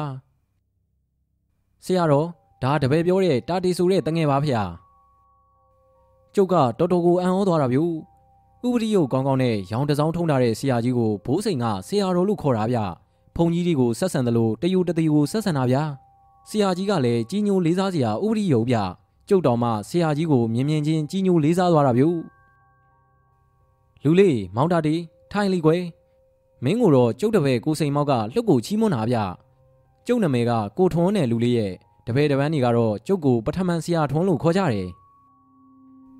ဟုတ်ကဲ့ပါဆရာ ကျုပ်ကပထမန်ဆရာထွန်းကိုရိုးရိုးသေးသေးကြောလိုက်တယ်ကျုပ်ကြောတာတွေ့တော့ဘာဆိုးကလည်းလိုက်ပြီးကြောတယ်ဗျဒါနဲ့နေပါဦးမောင်တာတည်းရဲ့မင်းဆရာဆိုင်းနှုံဖားနဲ့ရောဆုံးကြသေးလားကျုပ်ကိုရုတ်တရက်ကြီးမေးလိုက်တဲ့ပထမန်ဆရာထွန်းရဲ့အမိကြောင့်ကျုပ်ကအံ့ဩသွားတာဗျမန်ဩပါနဲ့မောင်တာတည်းရဲ့ကျုပ်နဲ့ဆရာနှုံဖားနဲ့ကဆရာတယောက်စီမှာအတူတူပညာယူခဲ့ဘူးတဲ့ပညာညီကိုတွေပါမောင်တာတိဆရာကြီးဒေါက်တာဦးမင်းအောင်စီမှာသူပညာယူတော့လဲကျုပ်ကိုခေါ်သေးတယ် ဒါပေမဲ့ကျုပ်ကမလာနိုင်တော့ဘူးလေ။အော်ဆရာကြီးကကျုပ်ကိုအစကလေးကတီးနေတာပေါ့။ဟုတ်တယ်လူလေးရေဆရာနှုံဖပြောပြလို့မင်းကြောင်ကိုတီးခဲ့ရတာလူကိုတော့အခုမှမြင်ဘူးတာပေါ့ကွယ်။ပထမန်ဆရာထုံးကကျုပ်ဆရာဆိုင်းနှုံဖရဲ့ပညာညီကိုပဲဗျာ။ကျုပ်ကဘာပြောစရာလိုတော့မှာတော့။ဒါဆိုရင်တော့ကျုပ်ဘာလုပ်ပြရမယ်ဆိုတာသာပြောပါဆရာ။တာရုကွယ်တာရုဒီတငယ်ကမောင်ကောင်းဆန်လို့ခေါ်တယ်ကွယ်။ သူ့ကိုဒီညမှာမှောက်တစ်ခုသွင်းမိခြင်းလို့မောင်းတာတည်းဟုတ်ကဲ့ပါဆရာအေးကွယ်အစားအစာရရအဆင်ပြေရင်တော့ဘာမှမလိုဘူးပေါ့ကွယ်တခုခုတိမ့်ကျော်သွားခဲ့ရင်အန္တရာယ်ကြားရောက်နိုင်တယ်အဲ့ဒါကိုမောင်တာတီကစောင့်ကြည့်ပြီးတော့အချီနေမဟန်ရင်အင်းနဲ့ပြေးပေါက်ယုံမှာပဲကွယ်အဆင်ပြေသွားရင်တော့ဘာမှလုပ်စရာမလိုပါဘူးကျုပ်ကလည်းကြီးမနှိုးခင်ရောက်လာမှာပါတညာလုံးလည်းကျုပ်ကအိမ်မှာမဟုတ်ပါဘူးကျုပ်တပည့်စိန်မောင်းရဲ့ဖျားကက်မှာတညာလုံးပတိစိတ်နေမှာ ခတ်တာကဒီအစီရင်မှာဆရာလုပ်တဲ့လူကစောင့်မနေရဘူးကွဒါကြောင့်မောင်တာတီကိုကူညီတောင်းရတာပါကွယ်ဟာရပါတယ်ဆရာကြီးရဲ့ကျုပ်ကိုအားမနာပါနဲ့ဆရာကြီးကိုကူညီရတာကျုပ်အတွက်တော့ဆရာနှုံဖကိုကူညီရတာနဲ့အတူတူပါပဲဗျာအေးကွယ်တာဓုတာဓုတာဓုည6နာရီလောက်မှကျုပ်တို့တောထဲကိုရောက်တယ်ဗျမှော်သွင်းမဲ့ကိုကောင်းဆန်ဆိုတာကအရက်မြင့်မြင့်ပိန်ပိန်ပါပါဗျ မျက်လုံးမျက်ခုံးနှာရံကအစအတော်ကိုပြည့်ပြည့်တဲ့လူဗျလူကလည်းခက်အေးပါဗျာဒါပေမဲ့စိတ်ကတော့တော်တော်ထက်မဲ့ပုံဗျတခုခုကိုလုပ်ပြီးဆိုရင်နောက်မစုံတန်းလုံးမဲ့မျက်နှာမျိုးဗျပထမန်ဆရာထွန်းဘိုးစိန်မောက်ကိုကောင်းဆန်ဘာဆိုးနဲ့ကျုပ်ပေါ်ဗျာတောထဲမှာကမှောင်နေပြီဗျဆရာကြီးကသူကြိုပြီးရွေးထားတဲ့ညောင်ကျက်ပင်ကြီးစီကိုဥတီသွားတယ်နွားကြီးပါဆိုးကပခုံးပေါ်မှာကြော်ဝဲတစ်လုံးထမ်းလာတယ်ဗျ ညောင်ကျက်ပင်ကြီးကိုသုံးဘက်ပတ်ပြီးတော့ဆရာကြီးကဂါရာမန်နနီရွတ်တယ်တစ်ပင်ကြီးရဲ့ရှေ့ဘက်မြေပြောင်ကလေးမှာကိုကောင်းဆန်ကိုတမင်ခွေထိုင်ခိုင်းတယ်အောက်မှာကဘာမှမခင်းရဘူးဗျမြေကြီးပေါ်မှာပဲထိုင်ရတာကိုကောင်းဆန်ကအပေါ်ဖြူအောက်ဖြူဝစ်ပြီးတော့ခေါင်းမှာပဝါဖြူပေါင်းထားတယ်သူ့ရဲ့လွယ်ထဲကအစင်သင့်ပါလာတဲ့စိတ်ပရီးကိုထုတ်လိုက်တယ်ဆရာကြီးကအစင်သင့်ယူလာတဲ့ပိတ်ဖြူနဲ့ပိတ်နီစားကိုကိုကောင်းဆန်ရဲ့ရှိမှဖြန့်ခင်နေဗျအနီကအောက်အဖြူကအပေါ်ဗျ ဒါပေမဲ့အနီစားကကြီးတော့အနီရောအဖြူရောနှစ်ယောင်ပေါ်နေတာပေါ့ဗျာဟောဒီမှာဖျောင်းနိုင်တို့ဒီဟောဒီမှာမိကျစ်ဖျောင်းနိုင်ကိုမြေကြီးပေါ်မှာပဲစိုက်ထွန်ရမယ်ကြိုက်တဲ့လောက်ထွန်းနိုင်တယ်ပွဲပေါ်မှာတော့မထွန်းနဲ့ဟိကျုပ်ရောက်လာမှကြီးမနိုးထရွက်မီးစာနဲ့ဖျောင်းနိုင်ကိုဇပွဲပေါ်မှာထွန်းမယ်ဘာမှမကြောက်နဲ့ဘာပဲမြင်မြင်ဘာပဲကြကြမလန့်နဲ့ကို့အလုပ်ကိုသာလုပ်အေးတတိထားရမှာကတော့ဆရာကြီးတားပေးထားတဲ့စီးကိုပေါက်မသွားစေနဲ့ဟိကြားလာမောင်ကောင်း အားလုံးပြောဆိုမှာကြပြီးတော့မှဆရာကြီးကဂါရာရီရွတ်ပြီးစီးဝိုင်းထားတယ်ကဲမောင်တာဒီမင်းနေရမယ့်နေရာကိုဆရာကြီးကြည့်ပြီးသားကွလာခဲ့ဆရာကြီးကပြောပြောဆိုဆိုနဲ့ရှေ့ကသွားကျုပ်တို့ကနောက်ကလိုက်ပေါ်ဗျာမြောင်းငိုပင်ကြီးတပင်အောက်မှာကျုပ်ကိုထိုင်ခိုင်းပြီးတော့ဆရာကြီးကအင်းတစ်ချက်အပ်တယ်ဗျပြီးတော့ကျုပ်ကိုလည်းစီးချပေးတယ်ကျုပ်ကသိပြီးသားဗျဒီလိုကိစ္စကြီးမျိုးမှာရေမတောက်ရဘူးစီးမသွားရဘူးအစားအသောက်မစားရဘူး ဒါကိုတော့ကိုကောင်းဆန်ကကျင်ပြီးသားနေမှာပေါ့ဗျာကျုပ်ကတော့ဆရာကြီးတွေနဲ့လိုက်ခဲ့ဘူးတော့ဒါတွေကိုအကျင့်ရနေပါပြီကျုံနေတဲ့မြောင်းငိုပင်ကနေလှမ်းကြည့်ရင်ကိုကောင်းဆန်ကိုအထင်သာတွေ့နေရတယ်ကျုပ်ရှိတဲ့နေရာကဂမူတစ်ခုပေါ်မှာဗျအပေါ်ကြီးကနေမြင်ရတာပေါ့ဗျာကိုကောင်းဆန်လည်းမီးထွန်းမီဆရာကြီးတို့လည်းပြန်သွားကြပြီဗျတော်ကြီးတစ်ခုလုံးကိုကောင်းဆန်နဲ့ကျုံနဲ့နှစ်ယောက်ပဲရှိတာပေါ့ဗျာကျုပ်ကတော့ဒီမလာခင်ဘာဆိုးတို့အိမ်သွားပြီးမျက်ကွင်းစီကွင်းခဲ့တာလေ တောကျက်တွန်တန်မြောက်ဦးတန်တခြားငှက်တည်းရဲ့အတန်နေနဲ့စောစောကစူညံနေတဲ့တောကြီးကတစားတစားနဲ့တိတ်ဆိတ်လာရောဗျဖျောင်းနိုင်နှစ်တိုင်ထွန်းလာတော့ကိုကောင်းဆန်ကိုကျုပ်ကကောင်းကောင်းမြင်ရတာပေါ့ဗျာကိုကောင်းဆန်ကတော့စိတ်ပရီးကိုတပတ်ပြီးတပတ်စိတ်နေတယ်တကောင်အထိတော့ဘာမှမထူးကြပါဘူးဗျာဟောလေအေးကြီးတိုက်လာပြီဗျတိရွက်တည်းချင်းချင်းပုတ်တဲ့အတန်နေနဲ့တော်ကြီးတစ်ခုလုံးကိုတဲကနေဖြစ်သွားတာဗျဟာကြီးကြီးပြိုးပြီဗျာကျုပ်တောင်ကြောထဲမှာစိန်ကနေဖြစ်သွားတယ် ဟောခြေတံကြီးဗျနည်းနည်းနောနောအတန်ကြီးမဟုတ်ဘူးဗျာကျုပ်ကတေးသေးချာချာကြည့်တယ်ကျုပ်ထိုင်နေတဲ့နေရာမှာများရပင်နေပေါက်နေတော့ကျုပ်ကိုဘယ်သူမှမမြင်ရဘူးလေဗျာဟာနဲတဲ့အကောင်ကြီးမှမဟုတ်တာဗျာကြဲရောင်နေနဲ့မြင်နေရတယ်ဗျကိုကောင်းဆန်ရဲ့နောက်ကျောဘက်ကနေလာနေတယ်ကိုကောင်းဆန်ကတော့ပရီးကိုစိတ်မြဲစိတ်နေရဗျနည်းနည်းမှကိုတုံးလောက်တာမတွေ့ရဘူးဗျတစ်ပင်ကြီးတွေတော့မလွတ်ဘူးဗျအရက်ကြီးက15ပေလောက်ရှိမယ် ကိုလုံးကြီးကစပားတရာထဲတဲ့ပုတ်ကြီးတစ်လုံးစာလောက်ရှိတယ်ဗျမျက်လုံးကြီးတွေကလည်းလကွင်းလောက်နီနီကြီးတွေဗျပါဇက်ထဲကရှာကြီးကဖြာလိတ်ကြီးလိုလိပ်ပြီးတော့တွဲလောင်ကျနေတယ်တကိုယ်လုံးမှာလည်းတရောင်လောက်ရှိတဲ့အမွှေးတွေကဖုံးနေတယ်အောင်မလီဗျာဒီကောင်ကြီးအော်တဲ့အတန်ကတော်ကြီးထဲမှာဟင်းထွက်သွားတာဗျကျုပ်ဖြင့်မြားရပင်တွေကို꿰ပြီးတော့ခေါင်းငုံပုံးလိုက်မိတယ်အကောင်ကြီးကကိုကောင်းဆန်ကိုတေးသေးချာချာရက်ကြည့်ပြီးတော့မြေကြီးမှာခြေဆောက်နေတယ်ဗျကိုကောင်းဆန်ကတော့လှုပ်တော့မလှုပ်ဘူးဗျာ နောက်တော့ဒီကောင်ကြီးထွက်သွားတယ်ခဏနေတော့ကြားကြီးနှစ်ကောင်ရောက်လာတာဗျတောတွေကထွက်လာကြတာနှစ်ကောင်လုံးက9တောင်ဘဲကားလိမ့်မလဲဗျာ12တောင်လောက်ရှိတဲ့အကောင်ကြီးတွေဗျဒီတခါတော့ကိုကောင်းဆန်သွားပြီဆိုပြီးကျုပ်ရဲ့စိတ်ထဲမှာတွေးလိုက်တာပေါ့ဗျာကြားနှစ်ကောင်ကအဆွဲကြီးတွေဖွေးဖွေးကြီးနေဗျနှစ်ကောင်လုံးကကိုကောင်းဆန်ကိုဝိုင်းထားတဲ့စီးဝိုင်းရဲ့ဘေးတရောင်လောက်ကနေပတ်ပြီးတော့ဟိန်းနေကြတာဗျကြားဟိန်းတန်ကြီးကကျုပ်တောင်နားကွဲမတက်ခံစားနေရတာဗျာ အနားမှာကပ်ပြီးအဟိန်းခံနေရတဲ့ကိုကောင်းဆန်တယောက်ကတော့အသက်မှရှိသေးရဲ့လားဆိုပြီးကျုပ်ကစိတ်ပူနေတာဗျဟာကြားကြီးနှစ်ကောင်ကလည်းပြန်ထွက်သွားပြီဗျာတိတ်တောင်မကြလိုက်ဘူးဗျဒီတခါအပေါ်ကကြားရတာအောက်ကိုကြလာတာဘာတော့မသိဘူးဗျာဟင်ဇောကြီးတပားပဲလူကလေးမောင်ကောင်းဆန်မင်းကတနာဖို့ကောင်းလိုက်လီကွယ်မင်းဆရာဆိုတဲ့ငထွန်းကလူလိန်กว่าမင်းကတော့ဒုက္ခဖြစ်တော့မယ် အခုချက်ချင်းစီးဝိုင်းထဲကထွက်ပြီးတော့ငါနဲ့လိုက်ခဲ့ပြီးတော့မင်းကိုတပည့်အဖြစ်ထားပြီးတော့ပညာရီကုံစင်အောင်သင်ပေးမယ်ကဲထားပြီးတော့ငါတပည့်မောင်ကောင်းဆန်တကယ်စောကြီးလားအယောင်ဆောင်ထားတဲ့တစီတကောင်လားတော့ကြုံလဲမသိဘူးဗျာကိုကောင်းဆန်ကတော့မျက်စိတော်ဖွင့်မကြည့်ဘူးယိုပရီးကိုပဲမနာရန်စိတ်နေတယ်ဗျဟာသွားပြန်ပြီဗျာဇော်ကြီးကပျောက်သွားပြန်ပြီအချိန်ကလည်းတဖြည်းဖြည်းနဲ့အာယုံနီးလာပြီပေါ့ဗျာဟာမွေးလိုက်တာဗျာဘလို့မွေးတဲ့အနံမျိုးတုံးဗျ တတော်လုံးကိုမွေးတာဗျရီတန်ကလည်းမိမရီတန်ကြားရတယ်တကယ်ကိုဆဲလဲတန်လို့လွင်လွင်လေးပါဗျာဟာမြင်ရပြီဗျကြည်စမ်းကိုကောင်းဆန်ရဲ့စီးဝိုင်းနာကိုတောင်ကတ်နေတယ်ဗျကိုကောင်းဆန်ထွန်းထားတဲ့ဖျောင်းနိုင်မိအောင်နဲ့ကျုပ်ကလှမ်းမြင်ရတာလေဗျာလှလိုက်တဲ့မိမဗျာနတ်သမီးများလှလို့တောင်ကျုပ်ကထင်သွားမိတာမွေးလိုက်တာကလည်းတတော်လုံးပဲဗျကျုပ်ကြည့်နေတာကိုကောင်းဆန်ကဗရီးစိတ်ကိုမရက်ဖဲနဲ့ဖျောင်းနိုင်ကိုတတိုင်းပြီးတတိုင်းမီးမပြတ်ထွန်းနေတာဗျ မောင်တော်ဖေဟာတိုင်နန်းကိုအုပ်ချုပ်ဖို့နှမနဲ့အတူကြွမြန်းပါဖေဟာနှမနဲ့ရာသက်ပံပေါင်းဖက်ရင်တိုင်နန်းကြီးကိုအုပ်ချုပ်ကြမယ်နှမလှရဲ့လားဆိုတာမော့ပြီးတော့ရှူစားပါဦးမောင်တော်ရဲ့တကယ်လူပဲဗျူမိမချောလေးကအတန်မျိုးမျိုးနဲ့ညှုတုခရပြီးပြောပေမဲ့ဒီလူကတော့မျက်စိကိုဇုံမိတ်ထားတာဗျာတစ်ချက်ကိုဖွင့်မကြည့်ဘူးဗျဗရီးပဲစိတ်နေတာနောက်တော့တိုင်နှန်းရှင်မလည်းလက်လျှော့သွားရောဗျူဟာဘာတော့မြ ကိုကောင်းဆန်ရဲ့နောက်ကညောင်ကျက်ပင်ကြီးအပေါ်ကနေအတန်တန်ကြားလိုက်ရတယ်ဂိုင်းနေလဲလှုပ်သွားတာဗျူဟင်ဖြူဖြူကြီးဗျတစ်ပင်ပေါ်ကနေခုံဆင်းလာတာဗျာဘာကြီးပါလိမ့်အဖြူရောင်ဝစ်စားနေဗျကောင်းဆန်မင်းနဲ့ငါနဲ့မိတ်ဆွေတွေဖြစ်ပါပြီမင်းငါ့ကိုမျက်စိဖွင့်ကြည့်လို့ရတယ်လေကြည့်ပါဩလက်စသက်တော့ဆရာထွန်းအလုပ်လုပ်တာသူနဲ့ကိုဗျသူကအခုမှရောက်လာတာပဲကျုပ်တို့လူကိုကောင်းဆန်ကတော့ဗျာမျက်စိဖွင့်ကြည့်ဖို့ဝေးသေးတယ် ခေါင်းတော်မော့မလာဘူးဗျငါကရုပ်ကဆိုးတော့မဟုတ်ဘူးတစီကြီးတကောင်ပါဒါပေမဲ့ငါရဲ့ကံမစိတ်ကြီးကတော်ယုံရုပ်ကဆိုးကိုရှင်းနိုင်တယ်ကွာငါမင်းကိုစောင့်ရှောက်မယ်ငါလဲလူတွေကြားမှာနေချင်တာကောင်းဆန်ရေးအခုတော့မင်းရောငါရောအဆင်ပြေသွားပြီပေါ့ကွာမောင်တာဒီမောင်တာဒီ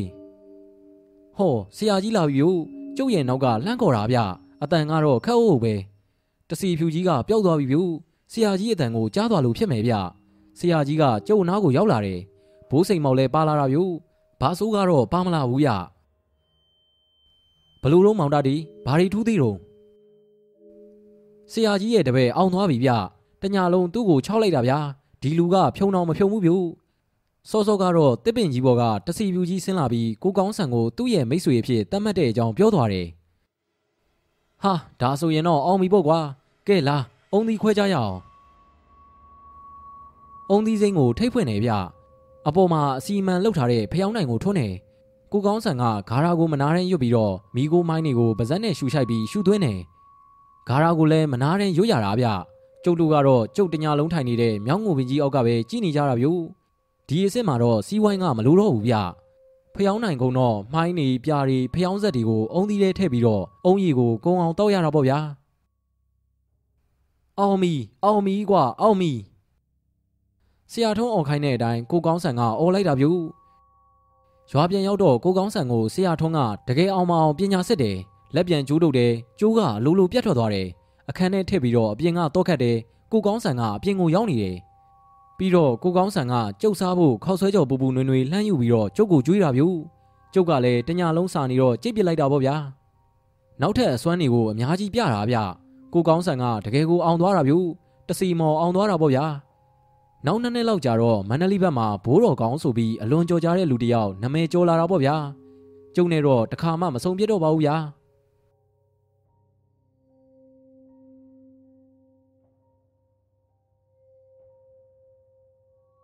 ကိုဘာထုံးခေါ်လို့ကျုပ်လိုက်သွားတာဗျထီးကလိုင်းဆိုတဲ့ရွာကကျုပ်တို့ထန်းထောင်းကုန်းနဲ့တော့အတော်လေးလန်းတာဗျထီးကလိုင်းကကိုဘာထုံးတို့မျိုးတွေရှင်ပြူဖိတ်လို့သွားတာပါဗျာအသွားကတော့ဟုတ်သားဗျ ထီးကလိုင်းမှာနေတဲ့ကိုဘာထုံးတို့ရဲ့ဘာတွေကလှဲနဲ့လာခေါ်တာလေဗျာကစုံလားဆိုတော့လေယာတီဦးလူကပူပါဗျာကျုပ်တို့အညာသားတွေပြောလို့ရှိတာပဲဗျတကူးကစုံဆွေးဆွေးခုံဆိုတာလေဗျာတကယ်ကိုဆွေးဆွေးခုံရတာဗျပူချက်ကတော့ကန်းကုန်ရောဗျရင်းချောင်းနေမှာလဲရေဒီကိုခန့်ရောဗျကျုပ်တို့အသွားမှာထီးကလိုက်မရောက်ခင်ရင်းချောင်းတစ်ချောင်းကိုဖျက်ရသေးတယ်ဗျနွားချက်တောက်တွေရေဆွယုံရှိတာပါဗျာ ကိုပါထွန်းတို့ဘာတွေကလှဲကိုရင်းချောင်းနဲ့တန်းမောင်ချပြီးတော့ဟိုဘက်ကန်းရောက်တော့လေကန်းပေါ်ကိုတန်းတက်သွားတာဗျဘာမှကြားလာတယ်မဟုတ်ပါဘူးဗျာထီးကလိုက်ကိုရောက်သွားရောဗျကျုပ်ကထီးကလိုက်ကိုတခါမှရောက်ဖူးတာမဟုတ်ဘူးဗျအခုရောက်တော့ကျုပ်ကတော်တော်ကိုသဘောကျသွားတာဗျထီးကလိုက်ကလှုပ်ကိုသားရတာဗျရွာပြင်ကထတော်တွေကလည်းညှိုးနေတာပဲထီးကလိုက်ကထညက်ချက်တဲ့ရွာလေးဗျာထညက်မှမျိုးစုံအောင်ထွက်တာဗျထပူးစားမလားဇီးထညက်စားမလားပေါက်ပေါက်နဲ့စုပ်ထားတဲ့ထညက်စုပ်စားမလား ဒါမှမဟုတ်အုံထညက်စားမလားဟိုစုံချက်ကတော့ဗျာပြောမနေပါနဲ့တော့ထီးကလိုင်ကဇီးယူကလည်းလှုပ်ကိုကောင်းတာဗျဇီးပေါင်းလဲလှုပ်သေးတယ်ဒီတော့ရွာကစီးပွားရေးလှုပ်ကောင်းတာပေါ့ဗျာနှံရောပဲရောထညက်ရောဆိုတော့ဝင်ငွေကိုမှန်နေတာဗျထီးကလိုင်နောက်ကျောမှာကအလဲရိုးမကြီးကလည်းကက်လို့လေဗျာမိုးကြဆိုရင်မှုန်နှုတ်မျက်နှုတ်ကလည်းအလုတ်ဖြစ်သေးဆိုပဲထင်းခုတ်ဝါခုတ်တစ်ခုတ်ကလည်းအပူရသေးတယ်ဗျဒီတော့ထီးကလိုင်မှာလူစင်းရဲနေပြီးလူချမ်းသာကပေါ်တာပေါ့ဗျာ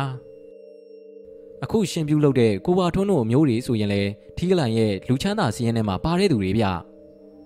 ထီးကလိုင်ကအိမ်ဝိုင်းနေတော်တော်များများမှာမြင်းဆောင်နေနဲ့မြင်းနေလည်းရှိကြတယ်ဟိုရွာဒီရွာသွားချင်ရင်မြင်းနဲ့သွားကြတာဗျလူချမ်းသာတွေဆိုတော့လေမြင်းကစီးနိုင်တာပေါ့ဗျာဟန်တော့အကြသားဗျရက်သေးရွာတဲ့ရှင်ပြူရှိပြီဆိုရင်ရှင်လောင်းလဲဖို့မြင်းနေမှတန်းစီပြီးထွက်လာတာဗျတချို့မြင်းကြီးတွေများဗျာနဲတဲ့တောက်ကြီးတွေမဟုတ်ပါဘူးပြိုင်မြင်းအောင်လှုပ်လို့ရတဲ့အမျိုးတွေဗျ ကိုပါထွန်းတို့မျိုးတွေရှင်ပြုကလည်းစီကြက်ဗျာစုစုပေါင်းရှင်ဆယ်ပါဗျာရဟန်းလောင်းကနှစ်ပါအလှကြီးပေါ့ဗျာထီးကလန်ရွာဦးကျောင်းဝင်းကြီးကလည်းလှုပ်ကိုကျဲတာဗျို့ထမင်းကျွေးယုံကြီးကလည်းကျဲပါဗျာတရွာလုံးကိုမိကိုတိတ်ပဲဗျာအနီးနားရွာတွေကလည်းလာသေးတယ်ဗျို့လှဲရင်နေနဲ့လာကြတာလေရွာလေလမ်းမှာဖုံတထောင်းထောင်းထပြီးတော့ခြူတန်းနေတချွင်ချွင်နဲ့ပေါ့ဗျာခြူတန်းဆိုတာကတိတ်ပြီးကြာကြာပြတ်တယ်လို့မရှိဘူးဗျလှဲတွေကတစည်းပြီးတစည်းဝင်လာနေတာဗျို့ ထီးကလိုင်သားရဲ့ဝက်သားချက်ကလည်းလှုပ်ကိုကောင်းဗျာချက်ထားလိုက်တဲ့ဝက်သားမှာဣနေတာဗျတရက်ချင်တုံးလေးကလည်းခက်ပြပြလေးဗျမဲစလီရွက်ဟင်းကြိုလေးကလည်းအချက်ကောင်းတော့မခါဘဲနဲ့စိတ်ငုံနေတာဗျထီးကလိုင်ဆိုတာကကျုပ်တို့နယ်မှာပဲထွက်နှမ်းထွက်လှုပ်ကိုကောင်းတဲ့ရွာဗျဒီတော့လဲချက်သမျှဟင်းနေမှာစီရီကိုနစ်နေတာပေါ့ဗျာငရုတ်သီးကျော်ဆိုရင်လဲစီကိုအရွှဲသားနေဗျအလူလာတဲ့ပြိတက်ကလည်းစားလိုက်ကြတာဗျခေါင်းကိုမဖော်တော့ဘူး ကိုပါထွန်းနဲ့ကျုပ်လည်းဘိုက်ကိုခွေးနှမတက်ကြိတ်လိုက်ကြတာဗျထမင်းစားတော့ပြီးတော့အဲ့ခံတဲ့လက်ဖက်ကလည်းအပေါ်မှာစီလက်တစ်လုံးလောက်မြုပ်နေသေးရဲ့ဗျာကျုပ်ရဲ့အကြိုက်ငကားစီးဘောလိတ်ကလည်းအစည်းလိုက်ကိုဝိုင်းတိုင်းမှာချထားတာဗျို့ဘိုက်တင်းအောင်ထမင်းစားပြီးလက်ဖက်ကလေးနဲ့အကျန်းလေးတော့ငကားစီးဘောလိတ်လီဖွာဆိုတော့မျက်စိကလေးကဆင်းပြီးတော့လှုပ်ကိုဇိမ်ကြနေရပါဗျာကျုပ်တို့အညာသားတွေရဲ့စီးစိမ်ဆိုတဲ့အထက်မှာငကားစီးဘောလိတ်ကလည်းမပါမဖြစ်ထင်ပါရဲ့ဗျာ အလူပြီးလို့နောက်တနေ့ရောက်တော့ကိုပါထွန်းရဲ့အကိုဝမ်းခွဲတွေကကိုပါထွန်းနဲ့ကျုံတွေကိုရွာတောင်ဘက်ကထတော်ကြီးရဲ့ကိုခေါ်လာတယ်ဗျ။နင်းညိုရင်ရွှေဘိုးကိုလွမ်းနေဆိုတဲ့စကားကဒီလူထတော်ကြီးတွေကိုပြောတာထင်ပါရဲ့ဗျာ။ထီးကလိုင်သားတော်တော်များများကိုတွေးရတယ်ဗျ။ကိုပါထွန်းရဲ့အကိုတွေဖြစ်တဲ့ကိုထွန်းတင်နဲ့ကိုထွန်းရင်တို့ကကိုပါထွန်းနဲ့ကျုပ်ကိုသူတို့ရွာသားတွေနဲ့မိတ်ဆက်ပေးကြတယ်။ထီးကလိုင်သားတွေကလှုပ်ခင်တမ်းမှန်ကိုဒီတော့မှပဲကျုပ်ကသိရတာဗျ။မြင်တာနဲ့ကိုခင်ကြတာဗျ။ဟာနေပါအောင်ကွာ ဒီနမဲငါကြားဘူးပါတယ်ထဏောင်းကုန်းကတာတီဟုတ်လားကိုမောင်ပုဆိုတဲ့လူကထရီလေးထွေထွေနဲ့ကျုပ်ကိုကြည့်ပြီးတော့မေးတယ်ဗျဟုတ်ပါတယ်ဗျထဏောင်းကုန်းကတာတီဆိုတာကျုပ်ပါကိုမောင်ပုရဲ့မျက်နှာကဝမ်းသာသွားတဲ့ပုံပဲဗျကျုပ်ကိုပြုံးပြုံးကြီးလှုပ်ပြီးတော့ကြည့်နေတယ်ဗျဒီလိုကွာတာတီကမင်းတို့ရွာကအောင်ချစ်ဆိုတာငါနဲ့တငယ်ချင်းကွာကိုအောင်ချစ်ဆိုတဲ့အတန်ကိုကြားရတော့ကျုပ်ကစက္ကနဲတောင်တုံသွားမိတယ်ဗျာ ဗျာကိုမောင်ဘူးကကိုအောင်ချစ်နဲ့တငယ်ချင်းနေဟုတ်လားအေးလေကွာဒီကောင်နဲ့ငါကဝါသနာတူရီလေတာတရားဘာဝါသနာလဲမင်းသိလားဟာကျုပ်မသိဘူးဗျဖဲလေကွာဖဲပေါ်ကွာအော်ဟုတ်လားကိုအောင်ချစ်ကတော့ဖဲဆိုရင်လှုပ်ကိုဝါသနာကြီးရဗျူအေးကွာငါလဲအောင်ချစ်အတိုင်းပဲတာတရီငါတို့နှစ်ယောက်လုံးကမိန်းမတွေဘာတွေယူဖို့စိတ်ဝင်စားဘူးကွာဖဲပဲချချင်တာ ဖဲသာချနေရလို့ကတော့ထမင်းမစားရလဲနေနိုင်တဲ့ကောင်တွေဟိဟာဒါကတော့ကျုပ်ယုံပါတယ်ဗျာကိုအောင်ချစ်နဲ့ကျုံတွေကတော်တော်ကိုတွဲခဲ့ကြတာဗျကုံကုံပြောရရင်ကိုအောင်ချစ်တည်တဲ့အချိန်ထိဆိုပါတော့ဗျာထရီဝိုင်းကကြမ်းတဲ့လူတွေကလည်းတချို့ကဆေးလိတ်လေးတွေဖွာလို့တချို့ကလည်းထရီငှဲ့ထားတဲ့အုံမခွက်လေးတွေမော့လို့တချို့ကတော့တောက်လုံးကြီးတဲ့လူတွေဆိုတော့မျိုးလိုက်မော့တာပေါ့ဗျာဒါပေမဲ့အားလုံးကကျုံနဲ့ကိုမမှုပြောတာကိုနားဆွနေကြတာဗျ ဒါနဲ့တတိငါတငယ်ချင်းအောင်ချစ်တည်တဲ့အကြောင်းကိုနည်းနည်းတော့ကြားမိတယ်ကွာပြီးတော့အောင်ချစ်တည်တဲ့အချိန်မှာမင်းအနားမှာရှိတယ်လို့မင်းတို့ရွာကကိုစိတ်ဖွားကြီးကငါ့ကိုပြောဘူးတယ်။အော်ကိုမောင်ဘူးကိုကိုစိတ်ဖွားပြောတာလား။ဟုတ်တယ်ဗျကိုအောင်ချစ်တည်တာကျုပ်တို့ရွာမြောက်ဘက်ကမီးလောင်ကုန်းတင်းချိုင်းထဲမှာကိုအောင်ချစ်နဲ့ကျုံနဲ့မီးလောင်ကုန်းကတရုတ်ကြီးအမင်းရဲ့အာသူဘမှာဖဲချပြီးတော့ပြန်လာကြတာဗျ။ကျုပ်ကကိုအောင်ချစ်နဲ့ဖော်လိုက်ရတာပေါ့ဗျာ။ညနှစ်ချက်တီးလောက်ကြီးမှတေးသွားတာဗျ။ဟေး ညနှစ်ချက်တီးဟုတ်လားတင်းချိုင်းထဲမှာသေးတာဘလို့ဖြစ်လို့တော့ကွာထရီဝိုင်းကလူတွေကအားလုံးဝိုင်းပြီးတော့တယောက်တစ်ပေါက်မေးကြတော့တာဗျူပြီးတော့မှကိုမောင်ဘူးကပြောတယ်ဗျတင်းချိုင်းထဲမှာအချိန်မတော်ကြီးတည်တယ်ဆိုတာတော့ငါသိတယ်တာတရဒါပေမဲ့ဘယ်လိုပဲပုံတည်တယ်ဆိုတာတော့ငါလည်းမသိဘူးကွာဘလို့ဖြစ်တာတော့ပြောစမ်းမအောင်ပိုးထီတာနေမှာပေါ့မောင်ဘူးရကိုအောင်ဆိုတဲ့သူကသူ့ရဲ့ထင်ကြီးကိုဝင်ပြီးတော့ပြောတာဗျ ကိုအောင်ချစ်ကပိုးထီတာမဟုတ်ဘူးဗျအသက်ခံရတာဟေးအသက်ခံရတာဟုတ်လားဒါဆိုရင်ဘသူတက်တယ်ဆိုတာမင်းသိမှာဗောတာတရမင်းကရဲတွေကိုမပြောပြဘူးလားကျုပ်ကသူတို့ကိုခေါင်းခပြတယ်သူတို့ကတော့ကျုပ်ဘာပြောမှာတော့ဆိုတာစိတ်ဝင်စားနေကြတာဗျသိတာဗောဗျာကိုအောင်ချစ်ကိုတတ်တာကမဖဲဝါဗျဟေးမဖဲဝါဟုတ်လား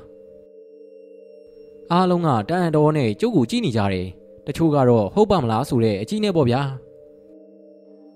မဖဲဝါဆိုတာတရဲမှာပဲဒါတရဟုတ်တယ်ကိုမောင်ဘူးရေအဲ့ဒီမဖဲဝါကပဲကိုအောင်ချစ်ကိုတတ်လိုက်တာဟေးဘလို့ဖြစ်တာတော့တာတရဒီလိုကိုမောင်ဘူးရဲ့မီးလောင်ကုန်းကတရုတ်အာတုဘမှာဖဲသွားချဖို့ကိုအောင်ချစ်ကကျုပ်ကိုအဖို့ခေါ်တယ်ဗျအဲ့ဒီမှာမျိုးကတရုတ်တွေရောက်နေတာတထေးတွေကြီးပဲတဲ့အဲ့ဒီလူတွေကိုသူနိုင်အောင်ကစားမယ်လို့ပြောတယ်ကျုပ်ကတော့သတိပေးတာပေါ့ဗျာ မျိုးကလူတွေကိုရှင်ကစားလို့ခမရနိုင်မမလားဆိုတော့ကိုအောင်ချစ်ကကျုပ်ကိုပြောတယ်ဗျသူ့မှာဖဲနိုင်အောင်ကစားတဲ့နည်းတွေရှိတယ်တဲ့ဟေးဟုတ်လားဘာနီးတွေများပါလေကိုမောင်ဘူးကလည်းဖဲသမားဆိုတော့ဖဲနိုင်အောင်ကစားတဲ့နီးဆိုတာနဲ့စိတ်ဝင်စားတော့တာပေါ့ဗျာဟာမောင်ဘူးရမင်းကလည်းတမျိုးငိမ့်ငိမ့်နားထောင်စမ်းပါကွာကိုမောင်ဘူးရဲ့တငယ်ချင်းတွေကသူ့ကိုဝိုင်းော်ကြတာဗျ အဲ့ဒီည9နာရီလောက်မှာကိုအောင်ချစ်ကခေါ်လို့ကျုပ်ကသူ့နဲ့လိုက်သွားတာဗျမီးလောင်ကုံတင်းချိုင်းကိုရောက်တော့ကိုအောင်ချစ်ကကျုပ်ကိုပြောတယ်တာတီခဏနေအောင်ကွာဒီညငါကစီးပွားဖြစ်ဖဲရိုက်မှာဆိုတော့ငါအစွမ်းတစ်ခုတည်းနဲ့တော့မဖြစ်ဘူးကွာမဖဲဝါရဲ့အကူအညီကိုလည်းတောင်းရမှာဗျာမဖဲဝါဟုတ်လားကိုအောင်ချစ်အေးဟုတ်တယ်လေကွာဘာလဲမင်းကမဖဲဝါဆိုတော့လန့်သွားတာလား ကိုအောင်ချစ်ကပျော်ပျော်ဆူဆူနဲ့သူ့ရဲ့လက်ထဲကအထုပ်ကိုဂူပေါ်မှာတင်ပြီးတော့ဖြီးတာဗျကျုပ်သေးသေးချာချာကိုမှတ်မိတယ်တကြီးဦးသူတော်ရဲ့ဂူပေါ်မှာဖြီးတာဗျဘာအထုပ်ကိုဖြီးတာတော့တာတရခောက်ဆွဲကြော်တော့ဗျကိုအောင်ချစ်ကမဖဲဝါကိုကျွေးဖို့ဆိုပြီးကျုပ်တို့ရွာကအပိန်ခောက်ဆွဲကြော်ဆိုင်ကနေအကောင်းစားမှားလာတာဗျ။အော်မဖဲဝါကိုခောက်ဆွဲကြော်ကျွေးတာ哦။ထရီဝိုင်းကလူတယောက်ကခေါင်းလေးတင်းချင်းချင်းလှုပ်ပြီးဝင်ပြောတယ်ဗျ။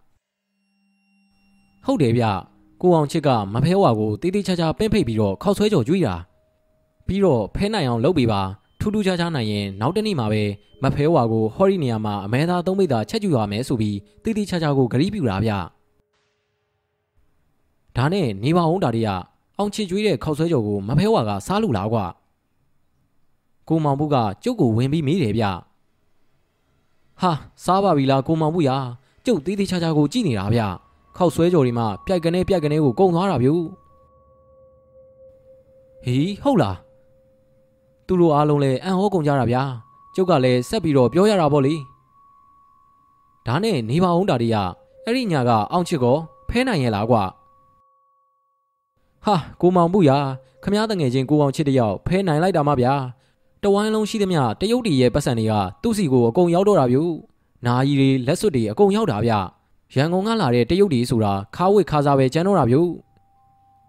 ဟာဒါဆိုရင်မဖဲဝါကအောင်ချစ်ကိုတကယ်ကူညီတာဗောဒါတရကူညီလိုက်တာမှဗျာအဲ့ဒီညာကအိမ်ပြန်တော့ကျုပ်မှာကိုအောင်ချစ်နိုင်ထားတဲ့ငွေတို့ကြီးကိုထမ်းလိုက်ရတာဗျာပြောမနေပါနဲ့တော့ထရီဝိုင်းတစ်ခုလုံးကလှုပ်ကိုစိတ်ဝင်စားနေကြတာဗျထရီတော်မှထပ်ပြီးမမောကြတော့ဘူးဗျပြောပါအောင်ဒါတရဒီတော့အောင်ချစ်ကမဖဲဝါကိုအမဲသားသုံးမိသားကျွေးရော်လာကွ ကိုမောင်ဘူးကသူ့တငယ်ချင်းအကြောင်းကိုတော်တော်သိကျင်နေပုံပဲဗျကျုပ်ကလည်းဒီနေရာရောက်တော့အလိုလိုတက်ပြင်းချလိုက်မိတယ်အဲ့ဒီမှာပဲပြဿနာစတော့တာပေါ့ဗျာဟေးဘလို့ဖြစ်လို့တော့ကွာသူ့ကိုဒီလောက်တိတိတသာကိုညီထားတာပဲကွာသူ့ရဲ့ဂရိအတိုင်းကျွေးရတော့မှာပေါ့ကိုအောင်ချစ်ကကျွေးဖို့တော့လုပ်တယ်ဗျမြို့ကိုလူလွတ်ပြီးအမဲသားဝယ်ခိုင်းတယ်ဒါပေမဲ့အမဲသားကရမလာဘူးဗျာကိုမောင်ဘူးကအံ့ဩသွားတယ်ဗျကိုအောင်ဆိုတဲ့လူကဝင်ပြောတယ် ဟာဝယ်လို့မရရင်လည်းတောင်းပန်ထားပြီးတော့ရားတဲ့နေ့သွားကြွေရင်ရမှာပေါ့ကွာအေးဗျာကိုအောင်ချစ်ကအဲ့ဒီလိုမလုပ်ဘူးဗျဖဲနိုင်တာကမဖဲဝါလုပ်ပေးတာဟုတ်ချင်မှဟုတ်မှာတဲ့သူ့စွမ်းတဲ့သူနိုင်တာဖြစ်ချင်ဖြစ်မှာပါလို့ကျုပ်ကပြောတယ်ပြီးတော့ကိုအောင်ချစ်ကကျုပ်ကိုတောင်စူးသေးတယ်ဗျမဖဲဝါကိုဒီလောက်တောင်ကြောက်ရလားလို့ပေါ့ဗျာအဲ့ဒီညာဖဲသွားချတော့ကိုအောင်ချစ်ကြီးရှုံးလိုက်တာမှပပဆက်ဆက်ကိုရှုံးတာဗျတလဲမှာကိုမနိုင်တာဗျဟေး အဲ့ဒါဆိုရင်ပထမညကနိုင်တာတွေအကုန်ကုန်ရောလာကွာဟာမကုန်ဘူးကိုမဘူးရဲ့ခမားရဲ့လူကလည်းလူပါပဲဗျအကုန်ပြန်ယူလာတာမဟုတ်ဘူးလေဗျာကျုပ်ပြောလိုက်တာကိုသဘောကျပြီးတော့ဝိုင်းရီနေကြတာဗျကျုပ်ကလည်းဆက်ပြောပြတာပေါ့ဗျာအဲ့ဒီညမီးလောင်ကုန်းကပြန်မှာကိုအောင်ချစ်ကတော်တော်ကိုမူးနေတာဗျလက်ထဲမှာလည်းအရက်ပလင်းကြီးကင်ပြီးတော့လမ်းလျှောက်ရင်တောက်လာတာမီးလောင်ကုန်းတင်းញိုင်းနဲ့လည်းရောက်ရောမဖဲဝါကိုဆဲတော့တာဗျာဟာ ဆဲတယ်ဟုတ်လားဒီကောင်အောင်ချစ်ကွာတော်တော်ကိုမှားသွားတာပဲကိုမောင်ဘူးကအံ့ဩပြီးတော့ပြောတယ်ဗျကျုပ်လည်းသူ့ကိုမျိုးမျိုးပြောပါတယ်ဗျာဘလို့မကိုပြောလို့မရတာဗျလူကလည်းတော်တော်လေးမူးနေပြီလေဗျာကျုပ်ကိုတော့မှဟဲ့ကောင်တတိမင်းကြောက်ရင်ရှေ့ကသွားနဲ့ဒီကောင်မနဲ့ငါနဲ့ဒီနေ့ညစီးရင်ရှင်းမယ်ဆိုပြီးထပ်ပြီးတော့ဆဲတော့တာဗျကျုပ်လည်းသူ့ကိုစိတ်ပြတ်သွားတာနဲ့သူ့ကနားကနေထွက်လာခဲ့တာခြီလန်းလင်းကားလမ်းပဲလှမ်းရပါသေးရဲ့ဗျာ အုံငနဲ့အတန်ကြီးကြားလိုက်လို့နောက်ကိုလှည့်ကြည့်လိုက်တော့ကိုအောင်ချစ်ရဲ့လက်ထက်ကအရက်ပလင်းကြီးလွတ်ကျသွားပြီးရှေ့ကိုဒူးညွတ်ကျသွားတယ်ဗျသူ့ရဲ့အနောက်မှာသပင်ဖားရကြီးချပြီးတော့မမကြီးရက်နေတာမဖဲဝါကြီးဗျာအရက်ကြီးကဆယ်ပီလောက်ရှိမယ်ထင်တယ်မျက်လုံးကြီးတွေများဗျာအကျန်းပကံလောက်ရှိလိမ့်မယ်หนีရဲပြီးတော့အယောင်တွေကိုတောက်နေတာဗျဒါနဲ့အောင့်ချစ်ကောဘာဖြစ်သွားတော့ကိုမောင်ဘူးကကျုပ်ကိုမေးတယ်ဗျဟာဘာဖြစ်ရမှာတော့ကိုမောင်ဘူးရဲ့သွေးတွေအန်တော့တာဗျ ဝေါကနေဝေါကနေနှစ်ချက်ထိုးအံပြီးတော့မှောက်ရတို့ကြီးလဲကျသွားတာဗျာမဖဲဝါကြီးလဲပျောက်သွားရောဗျဟာဖြစ်မှဖြစ်ရလေကွာကျုပ်ရဲ့စကားဆုံးတော့ကိုမောင်ဘူးကတော်တော်လေးကိုစိတ်မကောင်းဖြစ်သွားတာဗျထရီဝိုင်းတစ်ခုလည်းငြိမ်သွားပြီးတော့တွေးနေကြတာဗျလက်ဆသက်တော့မဖဲဝဆိုတာတကယ်ရှိတာပါလားကိုမောင်ပုံဆိုတဲ့လူကဝင်ပြီးတော့ပြောတာဗျဟာရှိပါပြီလားမောင်ပုံရငါဘာကပြောမှုတယ်ကွာ ရွာနောက်ကတင်းချိုင်းထဲကနေစပင်ကြီးဖားရချပြီးအခေါင်းကြီးတစ်လုံးထမ်းသွားတဲ့မဖဲဝကြီးကို तू မြင်လိုက်ရတယ်ဆိုပဲငါအဖကတင်းချိုင်းဘေးကလှဲလန့်အတိုင်းလှဲမောင်းလာတာဆိုပဲကွာနွားတွေဆိုတာလန့်ပြီးတော့ဗရက်ရက်နေကြတာတဲ့ဟေးရှေ့ကိုမတိုးတော့ဘူးတဲ့အဘကနှင်းနန်နဲ့ခဏနာထိုးမှဆက်ပြီးသွားကြတာတဲ့ကိုထမ်းဖူးဆိုတဲ့လူကကိုမောင်မှုကိုပြောတာဗျစကားဝိုင်းကတော်တော်ကိုကောင်းသွားတာဗျူသူကြားဘူးတာကိုကြားဘူးတာလေးလည်းပြောကြတာပေါ့ဗျာထရီးဆိုတာလည်းတမျိုးပြီးတမျိုးချပေးရတာဗျူ အမီးကတော့အမဲကျော်ပေါ့ဗျာအဲပြောရအောင်မယ်ဗျတာတီဆိုတဲ့ကျုပ်ကအညာသားဆိုပေမဲ့ထရီးကတော့မကြိုက်ဘူးဗျူအခုလဲမိဖြစ်ဆွေဖြစ်အနေနဲ့ပဲကျုပ်ကအားဆိုးယုံလောက်တောက်တာဗျတောက်ကိုမတောက်နိုင်တာဗျာအဲ့ဒီညနေကတော့ပခန်းကိုကြီးကျော်တို့တိတ်ကြိုက်တဲ့ညနေမျိုးထင်ပါရဲ့ဗျာလှုပ်ကိုပြောဖို့ကောင်းတာဗျကျုပ်ကိုလည်းတော်တော်ခင်သွားကြတာထီးလိုင်ကိုလည်းမကြာခဏအလဲလာဖို့ခဏခဏခေါ်ကြတာဗျတာတီဆိုတဲ့ကျုပ်ကလည်းလာလဲပါမယ်ဆိုပြီးဂရီကဝတ်ပြုတ်ရတာပေါ့ဗျာ အားလုံးစားတော့ပြီးတော့ရွာတွေကိုအုပ်စုလိုက်ကြီးပြန်လာကြတာဗျ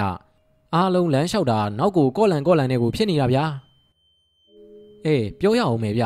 လူဆိုတာအရက်မူးရင်ရှေ့ကိုစိုက်သွားတယ်ထရီမူးရင်တော့နောက်ကိုလမ်းပြီးမူးတာလေဗျာအမူးလွန်လို့လဲရင်လဲအရက်သမားကရှေ့ကိုမှောက်ရတော့လဲတာဗျထရီသမားတွေကြတော့အမူးလွန်ပြီဆိုရင်နောက်ကိုပတ်လက်လန်ပြီးလဲတော့တာဗျ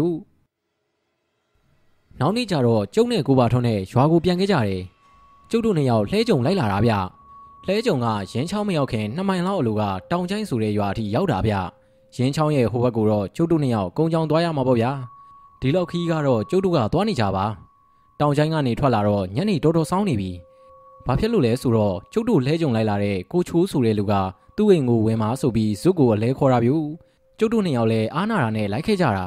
သူ့အိမ်ရောက်တော့ညနေစာစားပြီးမှသွားပါလို့ဇွတ်ဆွဲပြန်ရောဗျ လှုပ်ကိုသဘောကောင်းတဲ့ကိုချိုးတို့မိသားစုကိုအားနာတာနဲ့ညနေစာလဲစားရတာပေါ့ဗျာအဲ့ဒါကြောင့်ညနေဆောင်တော့မှပဲတောင်ချိုင်းကနေထွက်ဖြစ်တာဗျတောင်ချိုင်းကထွက်လာတော့အံ့ဩစရာဗျာကောင်းငင်မှာမိုးသားမဲမဲတွေတက်လာတာဗျဟာကိုပါထွန်းကြီးမိုးတွေကချက်ချင်းတက်လာပါလားဗျအေးကွာဒါတရရင်းချောင်းရအောင်ခတ်တုတ်တုတ်လေးရှောက်ရအောင်ဟိကိုချိုးတို့အိမ်သားတွေအတင်းဆွဲတာနဲ့ထမင်းစားနေလို့နောက်ကျသွားတာကွာဟာကိုပါထွန်းရဲ့သူတို့ကလည်းကျုပ်တို့နှစ်ယောက်ကိုတွေ့တွေ့ချင်းလှုပ်ခင်တာဗျ လှုပ်ကိုသဘောကောင်းတဲ့မိသားစုပါဗျာဒီတော့လေထမင်းစားဖို့ကိုဘလို့ညင်းမလို့ဗျာကျုပ်နဲ့ကိုပါထွန်းနဲ့ခတ်တုတ်တုတ်ရှောက်ကြတယ်ကိုပါထွန်းကကျုပ်ထက်တော့9နှစ်6နှစ်လောက်ကြီးမှာဗျဒါပေမဲ့လူကလူဖလန်လေးကျုပ်ထက်တောင်နည်းနည်းညှက်ချင်သေးတယ်ဒါပေမဲ့လူကတော့လူလင်လူတွက်ပြူရင်းချောင်းမရောက်ခင်မိုးမိမှာဆိုပြီးတော့ရှေ့ကနေခတ်တုတ်တုတ်ရှောက်သွားနေတာကျုပ်ကသူ့နောက်ကနေမနှဲကိုမိအောင်လိုက်နေရတာဗျာကျုပ်တို့နေရောက်ရင်းချောင်းကမ်းပါးကိုရောက်တော့ကောင်းငင်မှာမိုးရီမဲနေပြီ အချိန်ကလည်းမိုးချုပ်စဖြစ်နေပြီဗျကဲတာတီသတိထားကူဟိမိုးကတော့လွတ်သေးတယ်ကွာပြောပြောဆိုဆိုနဲ့ကိုပါထွန်းကပစိုးကရောင်းကြိုက်တယ်ကျုပ်လဲကြပြားကြနဲ့ပစိုးကရောင်းကြိုက်ရတာပေါ့ဗျာကျုပ်တို့နေရောက်ချောင်းထဲကိုဆင်းခဲ့ကြတယ်ရင်းချောင်းကရေစည်းတန်တော့အောက်ကသဲမြေမှာကြာကြာရက်လို့ရတာမဟုတ်ဘူးလေဗျာရက်ရင်သဲကကျုံဝင်သွားတော့လူကရိုင်ပြီးဟန်ချက်ပြတ်သွားတယ်ဗျဒီလိုအခါမျိုးမှာရေစည်းကတန်တော့လဲကျသွားတတ်တယ် အဲ့ဒါကြောင့်အောက်ကနင်းထားတဲ့သဲကျုံမဝင်သွားခင်ကိုခတ်တုတ်တုတ်ရှောက်ကြရတာဗျကျုပ်တို့နေရောက်ချောင်းထဲမှာခြေလန့်15လမ်းလောက်ရှောက်မိတယ်ဆိုတာနဲ့ကျုပ်ကချောင်းအထက်ပိုင်းကိုလှမ်းပြီးကြည့်လိုက်မိတာဗျဟာကိုပါထွန်းရေရီလာနေပြီနောက်ပြန်ပြေးဗျတောင်ကြရေဗျကျုပ်ကနောက်ပြန်ပြေးတယ်ဘယ်လို့လိမ့်မလို့ဗျာတောင်ကြရေပဲလူမပြောနဲ့မြင်းပြေးရင်တော့မလုပ်ဘူးဗျကျုပ်ရောကိုပါထွန်းရောရေလုံးရိုက်ပြီးတော့ပါသွားတယ် ဒါပေမဲ့ကိုပါထုံးရောကျုပ်ရောကရေကူးလဲတန်တယ်သတိလဲကောင်းတယ်ဆိုတော့ကမ်းဘက်ကိုကူးတာပေါ့ဗျာချောင်းထဲမှာကမှောင်သွားပြီဗျမိုးချုပ်တာရောမိုးမောင်တာရောပေါင်းပြီးတော့မှောင်မဲသွားပြီကြောက်စရာကောင်းတဲ့ရေစည်းတန်ကြီးကိုကြားနေရတာတွေးပြက်စရာပဲဗျာချောင်းရီကချက်ချင်းပြင်းကျဲကြီးဖြစ်သွားပြီးတော့ကမ်းကလည်းဝေးသွားတော့ကျုပ်တို့နှစ်ယောက်တော်တော်ကိုကူးနေကြတာဗျရေစည်းနဲ့မျောလဲမျောနေကြတာဗျဟာကိုပါထွန်းရဲ့အော်တန်ကိုကြုတ်ချလိုက်ရတယ်ကျုပ်လဲလန့်သွားတယ်ဗျ ဘာမှမမြင်တော့ဘူးမှောင်ပိန်းနေပြီကိုပါထွန်းဘာဖြစ်တာတော့တာတီငါခြေထောက်ကိုတစ်တုံးကြီးတိုက်သွားတာကျိုးသွားပြီထင်တယ်ဟိကိုပါထွန်းရဲ့စကားဆုံးတယ်ဆိုတာနဲ့ကျုပ်လဲကန်းဆက်ရောက်သွားတယ်ခြေထောက်လို့ရသွားပြီကိုပါထွန်းကိုပါထွန်းခမရဘယ်မှာတော့ငါဒီမှာကွာတာတီကကန်းဆက်ရောက်ပြီဟာရွာလိုက်တဲ့မိုးဗျာမိုးတန်ရောရေစည်းတန်ရောမိုးချင်းတန်ရောစူညံနေတာဗျ ကျုပ်လဲကိုပါထွန်းရဲ့အတန်ကိုမှန်းပြီးတော့ပြေးသွားရတယ်ဟာတွေးပြီဗျို့တွေးပြီကိုပါထုံးကထနောင်းမင်းကြီးရဲ့ပင်စီကိုမိပြီးတော့ထိုင်နေတာဗျလျှက်တစ်ချက်လမ်းလိုက်တဲ့အချိန်မှာသူ့ကိုကျုပ်ကတွေးသွားတာသူကလည်းကျုပ်ကိုမြင်သွားတယ်ဗျတာတီလားကွာငါဒီမှာငါခြေထောက်ကတော့တစ်တုံးကြီးဝင်ဆောင်သွားတာကျိုးသွားပြီထင်တယ်ဟိငါကောင်းနေလဲမူးနောင်နေတယ်ဘလို့ဖြစ်လဲမသိပါဘူးကွာကျုပ်လည်းကိုပါထုံးကိုချက်ချင်းမားထူပေးပြီးတော့ကျုပ်ဘော်ကိုကြောပုတ်ခိုင်းတယ်ကိုပါထုံးလားဗျ ဒီနေရာကမကြခင်ရေမြုပ်တော့မှာကိုပါထုံးကလူဖလန်လေးဆိုတော့ကျုပ်ကအตาလေးပဲကြောပို့နိုင်တာပေါ့ဗျာတာတီဘယ်သွားမှာတော့ကွာတောင်ချိုင်းကိုပဲပြန်ရမှာပေါ့ဗျာမင်းကလမ်းသီးလို့လားတာတီကလမ်းတော့မသိဘူးဗျကျုပ်တို့ချောင်းထဲမှာမျောသွားတာလဲဘလောက်ဝေးသွားမှမသိဘူးဒါပေမဲ့လျှက်လက်တဲ့အယောင်နဲ့ကြည့်ပြီးသွားကြတာပေါ့ဗျာတောင်ချိုင်းမရောက်လဲရောက်တဲ့ရွာမှာဝင်ပြီးတော့ကိုကြီးတောင်းရအောင်လေဗျာ ကိုပါထုံးကိုကြောပို့ပြီးတော့ကျုပ်ကခတ်တော့တော့ရှောက်တော့တာဗျူကိုပါထုံးကတော့ကျုပ်ရဲ့ကြောပေါ်မှာမိနေတယ်ဗျဘာမှမပြောတော့ဘူးဟာဟိုမှာဟိုမှာကျုပ်တန်ကြတော့ကိုပါထုံးကမေးတယ်ဟင်ဘာတုံးတာတရဟိုရှိမှာအင်ကြီးတစ်လုံးဗျမီးအောင်တော့မတွေ့ဘူးဒါပေမဲ့လူတော့ရှိမှာပါမိုးရီလေးနဲ့ဆိုတော့မီးမှုတ်ပြီးစောစောအိတ်ချင်အိတ်နေကြမှာပေါ့ဗျာအဲ့ဒီထဲဝင်ပြီးတော့မိုးခိုရတော့မယ်ဗျ မိုးရီကလည်းရေရီတွန်ချနေတယ်လို့ကိုရွာတာဗျတော်တော်ကလေးသွားလိုက်တော့မှလှဲလန်းချောင်းလေးတစ်ခုကိုတွေ့တယ်လှဲလန်းချောင်းကိုကြော်လိုက်တော့အိမ်ဝင်းကြီးလေးကိုရောက်တယ်ဗျလျှက်စီးတစ်ချက်အလက်မှာကျုပ်ကအင်ကြီးစီကိုလှမ်းကြည့်လိုက်တော့တကားကြီးကပွင့်နေတယ်ခဟာဟာလေးပွင့်နေတာဗျလူရှိရှိမရှိရှိဗျာမိုးတော်ဝင်ခိုလို့ရပြီဆိုပြီးကျုပ်ကဝမ်းသာသွားတယ်ကိုပါထုံးကိုကြောပိုးရင်းနဲ့အိမ်ကြီးရဲ့ဒကမာကြီးကိုတွန်းပြီးတော့ဖွင့်လိုက်တယ်အိမ်ကြီးထဲမှာလည်းမဲမောင်နေတာဗျဘာမှကိုမမြင်ရဘူးကျုပ်ကအိမ်ထဲကိုဝင်လိုက်တယ် ခြေလန်းသုံးလန်းလောက်လှမ်းလိုက်တဲ့အချိန်မှာပဲရက်ဆိုပြီးတော့အတန်ကြီးတစ်ခုကိုကြားလိုက်ရတယ်ကျုပ်တကူလုံးကြက်သိန်းတွေကိုဖြန်းကနေထားသွားတာဗျအမောင်ထဲကထွက်လာတဲ့အတန်ကြီးဗျအတန်ကခက်ဟောကြီးပဲယောက်ျားကြီးတယောက်ရဲ့အတန်ပဲဗျကိုပါထုံးကိုပါထုံးကျုပ်ကကိုပါထုံးကိုခေါ်လိုက်တယ်ကိုပါထုံးကပြန်မထူးဘူးဗျကျုပ်ပခုံးပေါ်မှာခေါင်းမိပြီးတော့အိပ်ပျော်နေတယ်ဘာထုံးကမွေစိတ်တက်နေပြီအမောင်ထဲကအတန်ကြီးကထပ်ပြီးတော့ထွက်လာတယ်ဟာ ကိုပါထုံးပိုးထိထားတာထင်တယ်ကျုပ်ကတော်တော်ကိုစိုးရိမ်သွားတာဗျခြေထောက်ကလည်းကျိုးလို့ဒီအထဲကိုမြန်မြန်ခေါ်ခဲ့ဒီထက်နောက်ကျရင်တေတော့မှာဗျာအခုခေါ်ခဲ့ပါစို့ဘာလုပ်နေတာတော့ကျုပ်လည်းအမောင်ထဲကိုရမ်းတမ်းပြီးတော့ရှောက်ရတာပေါ့ဗျာဘာမှလည်းမမြင်ရဘူးဗျအမောင်ထဲကပြောနေတာလဲဘသူဆိုတာကျုပ်မသိဘူးကျုပ်တကူလုံးလဲရေရီရွှဲနေပြီးတော့ခိုက်ခိုက်တုံနေပြီဗျကြောက်လို့ကြက်သိမ်းထားတာလဲပါမှာပေါ့ဗျာရောက်ပြီ အဲ့ဒီဂရင်ပေါ်မှာတင်လိုက်ကျုပ်ကလက်နဲ့လိုက်ဆန်နေဟုတ်တယ်ဗျဂရင်ကြီးတစ်လုံးပဲကျုပ်လဲကိုပါထုံးကိုဂရင်ပေါ်ကိုခက်ပြေးပြေးချပေးတယ်ကိုပါထုံးကတော့ငိမ့်နေတာဗျအိပ်ပျော်နေတာလားသတိလစ်နေတာလားဆိုတာတော့ကျုပ်လည်းမသိဘူးဗျမှောင်မဲနေတော့ကိုပါထုံးကိုကျုပ်မြင်ရတာလည်းမဟုတ်ဘူးလေဗျာသွားတော့လေဘာလုပ်နေတာလဲကျုပ်ရဲ့နောက်ကျောဘက်ကအတန်ကြီးထွက်လာတယ်ကျုပ်လည်းဘာမှပြန်မပြောရဲပဲအမောင်ထဲမှာပဲဆန်းပြီးတော့ထွက်လာခဲ့တယ် လျှက်စီးတစ်ချက်အလက်မှာပွင့်နေတဲ့တကားပေါက်ကိုလှမ်းထွေလိုက်လို့ကျုပ်လည်းရှောက်တက်တာပေါ့ဗျာတိမ်လုံးငိန်သွားတယ်ဗျအပြင်မှာတော့လေရောမိုးရောတော်တော်ကိုကျန်းနေတာဗျကျုပ်လည်းချမ်းလွန်းလွန်းခိုက်ခိုက်တုံနေပြီကျုပ်ကနယံကိုမိပြီးတော့ထိုင်ချလိုက်တယ်ခဏနေတော့ကျုပ်လည်းလှစ်ကနေအိပ်ပျော်သွားတယ်ဗျဘလောက်ကြောင်အိပ်ပျော်သွားတယ်တော့မသိပါဘူးဗျာဟိတ်တငယ်ဟိတ်တငယ်ကျုပ်ကိုလူတယောက်ကလှုပ်နှုံနေတာဗျအမောင်ထဲကထွက်လာတဲ့အတန်ကြီးကိုကျုပ်ချက်ချင်းသတိရပြီးတော့ဝုံငနေထားထိုင်လိုက်တယ် မိုးကတော့မရွာတော့ဘူးနေဒီပူနေပြီဗျကျုပ်အဝေးတွေတော့မှခြောက်နေပြီသတိထားတငယ်သတိထားဒီမြတ်တော်ကြီးထဲမှာဘာလို့အိတ်နေရတာတော့ကျုပ်ကလှဲမောင်းရင်းနဲ့တွေးလိုက်လို့လားကြည့်တာကွာကိုပါထွန်းရောကိုပါထွန်းကျုပ်ကကျုပ်ကိုလှုပ်နေတဲ့အဖိုးကြီးကိုကြည့်ပြီးမေးလိုက်တယ်ညက်ရိုင်းတော်ကြီးထဲမှာကျုပ်ကအိပ်ပျော်နေတာဗျဟိုတငယ်လားဟိုအုတ်ကူကြီးပေါ်မှာအိပ်ပျော်နေတဲ့တငယ်ကိုပြောတာမလားဗျာဘဲမှာတော့ဘဲကအုတ်ကူတော့ ဟာဟုတ်ပါရဲ့ဗျာကိုပါထွန်းကအုတ်ကူဖြူဖြူကြီးတစ်လုံးပေါ်မှာအိပ်ပျော်နေတာဗျကျုပ်လဲချက်ချင်းထပြီးတော့ကိုပါထွန်းကိုပြေးနှုတ်လိုက်တယ်ကိုပါထွန်းကိုပါထွန်းဟေးတားတီငါတို့ဘယ်ရောက်နေတာတော့အာငါခြေထောက်ကဘာလုပ်ထားတာတော့နားလိုက်တာကွာ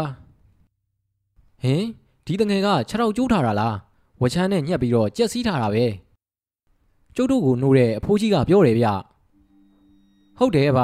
ညာကကျုပ်တို့နှစ်ယောက်ရင်းချောင်းထဲမှာဖြတ်ကူနေတော့တောင်ကြရင်နဲ့ပါသွားကြတာကိုပါထုံးကတစ်တုံးတုံးနဲ့စောင့်မိပြီးတော့ခြေကျိုးသွားတာဗျဒါနဲ့နေပါဦးပါရဲ့ကျုပ်တို့နှစ်ယောက်ညာကအိမ်မဲကြီးထဲမှာပါကိုပါထုံးကိုကျုပ်ကဂရင်ကြီးတစ်လုံးပေါ်တင်ပေးထားတာအဲ့ဒီအိမ်မဲကြီးတွေကလူကြီးတစ်ယောက်ကဆေးကုပေးတာဗျအတန်ကိုပဲကြုတ်ကြားရတာလူကိုတော့မမြင်ရဘူးဗျအခုအဲ့ဒီအိမ်ကြီးကဘဲမှာတော့ကျုပ်တို့ကဒီနေရာကိုဘလို့ရောက်နေတာတော့အိမ်မဲကြီးဟုတ်လားတငယ် ကျုပ်တို့မမွေးခင်ကတော့ဒီနေရာကြီးကဆေးဆရာကြီးတယောက်နေခဲ့တဲ့ခြံဝင်းကြီးလို့ပြောတဲ့ကြားဘူးလေအဲ့ဒီဆေးဆရာကြီးမိသားစုကအိမ်မဲကြီးအကြီးကြီးတစ်လုံးနဲ့နေကြတာလေကွာဟိုတငယ်တက်အိမ်နေတဲ့အုပ်ကူကြီးကအဲ့ဒီဆေးဆရာကြီးရဲ့ကူပေါ့သူသေးတော့သူ့ရဲ့မိသားစုကဒီခြံဝင်းကြီးထဲမှာပဲသူ့ကိုကူသွင်းပြီးတကြိုးထားကြတယ်လို့ပြောတယ်အဲ့ဒီခြံကြီးတို့အိမ်မဲကြီးတို့ဆိုတာကိုအဘတို့ရွာကအသက်80ကျော်90ကျော်ရှိတဲ့လူတွေတောင်မမိလိုက်ကြဘူးကွာစကားပဲကြံနေခဲ့တာ ဒါပေမဲ့ဒီအုပ်ကူကြီးကရှိနေသေးတော့ဒီအကြောင်းတွေကလည်းဟုတ်မှာပဲလို့ယုံရတာပေါ့ကွာကျုပ်လည်းဘာပြန်ပြောရမှန်းတော့မသိတော့ပဲပါဇက်အဟောင်းသားဖြစ်သွားတာပေါ့ဗျာဒါနဲ့အဘနာမည်ကဘသူတုံးဗျအဘတို့ရွာကရောဘာတဲ့တုံးဝေးသေးလားဗျကျုပ်နာမည်ကဥဆန်နဲ့ကျုပ်တို့ရွာကမဝေးတော့ပါဘူးဒီလဲလန်းအတိုင်းလိုက်ရင်နိုင်ဝက်ဆိုရောက်ပြီရွာနာမည်ကတမားကုန်းရွာလို့ခေါ်တယ်ဒီဆေးဆရာကြီးကိုအစွဲပြုပြီးတော့ခေါ်တာလို့ပြောတယ်ကွဒါနဲ့မင်းတို့ကဘယ်ကလာကြတာတော့ ကျုပ်တို့နေတာကထဏောင်းကုန်းကဗျထီးကလိုင်ရဲ့လူကိုသွားကြတာတောင်ကျိုင်းမှာညစာဝင်စားပြီးထွက်ခဲ့ကြတာဗျရဲ့ဟာတောင်ကျိုင်းကအတော်တော်လှမ်းနေပြီပဲမင်းတို့အဝေးကြီးမျောလာတာကွာဟင်ဟုတ်လားဗျအေးဟုတ်တယ်ကွာကဲကဲလာကြပါကျုပ်မှလှဲပါပါတယ်ချောင်းရည်လဲကြာနေပြီကျုပ်ရွာရောက်ပို့ပေးပါမယ်ဟိုတငယ်ကခြေထောက်လဲကျိုးနေတာမလားဒီရင်ချောင်းကြော်လိုက်ရင်ထဏောင်းကုန်းကိုတိတ်ပြီးမမောင်းရပါဘူးကျုပ်ရဲ့နွားတွေကနဒန်ကြီးတွေပါ ကဲလာလာကျုပ်လဲပေါ်တဲ့ကျုပ်လဲမငင်းတော့ဘူးဗျာကိုပါထုံးကိုဂူဘောကတွဲချရင်အုတ်ကူကိုတပတ်ပတ်ပြီးတော့ကျုပ်ကြည့်တယ်အင်္ဂရီတွေကကွာနေပြီဗျဘာစာမှဂူဘောမှမရှိတော့ဘူးလှဲပေါ်ရောက်တော့ဦးဆန်းဆိုတဲ့ဖိုးကြီးကခြေထောက်မှာကြက်စီးထားတဲ့ကိုပါထုံးကိုတိတိကျကျကြည့်ပြီးတော့မေးတယ်တငယ်တို့ညကအိမ်မဲကြီးတဲ့ကိုရောက်ခဲ့တယ်ဆိုတာတကယ်လားကွတကယ်ပါအဖရဲ့ဟော်ရီကိုပါထုံးကခြေထောက်ကလဲကျူပိုးလဲထိဆိုတော့သတိမိသွားတာ သူ့ကိုကြောပိုးပြီးတော့ကျုပ်ကဒီအိမ်ကြီးတဲ့ကိုဝင်ခဲ့တာအမောင်ထဲကအတန်ကြီးကိုပဲကျုပ်ကြားခဲ့ရတာအဖရဲ့ကိုပါထုံးကိုသူကနမေတော်ခေါ်လိုက်သေးတယ်ဂရင်ဘော်တင်းဆိုလို့ကျုပ်ကအမှောင်ထဲမှာစမ်းပြီးတော့တင်လိုက်တာအဲ့ဒါကအုတ်ကူကြီးဖြစ်နေတာပေါ့ဗျာဒီတော့ကျုပ်အထင်ပြောရရင်ဒီအိမ်ကြီးကဒီနေရာမှာပဲရှိနေတာအဖဆန်ရဲ့ကိုပါထုံးကိုညားကအမှောင်ထဲမှာစေးကူပေးခဲ့တာလေအဖဆန်ပြောတဲ့စေးစရာကြီးပဲဖြစ်မှာဗျဟေးဟုတ်လားဒါဆိုရင်စေးစရာကြီးကအခုထိမကြွသေးဘူးပေါ့ ကျုပ်ကတေးသေးချာချာပြောပြလိုက်တော့မှအဖဆန်ဆိုတဲ့အဖိုးကြီးကမျက်နှာပြတ်သွားတယ်ဗျဒီအဖိုးကြီးကတော်တော်ကိုကြောက်သွားတဲ့ပုံမဲပြူပြီးတော့စေးစရာကြီးရဲ့အုပ်ကူကိုတစ်ချက်လှမ်းကြည့်တယ်ပြီးတာနဲ့အဖဆန်ကသူ့ရဲ့နွားတွေကိုခက်ကြမ်းကြမ်းရိုက်ပြီးတော့အဲ့ဒီနေရာကနေဒရက်ချမ်းမောင်းပြေးတော့တာပဲဗျာ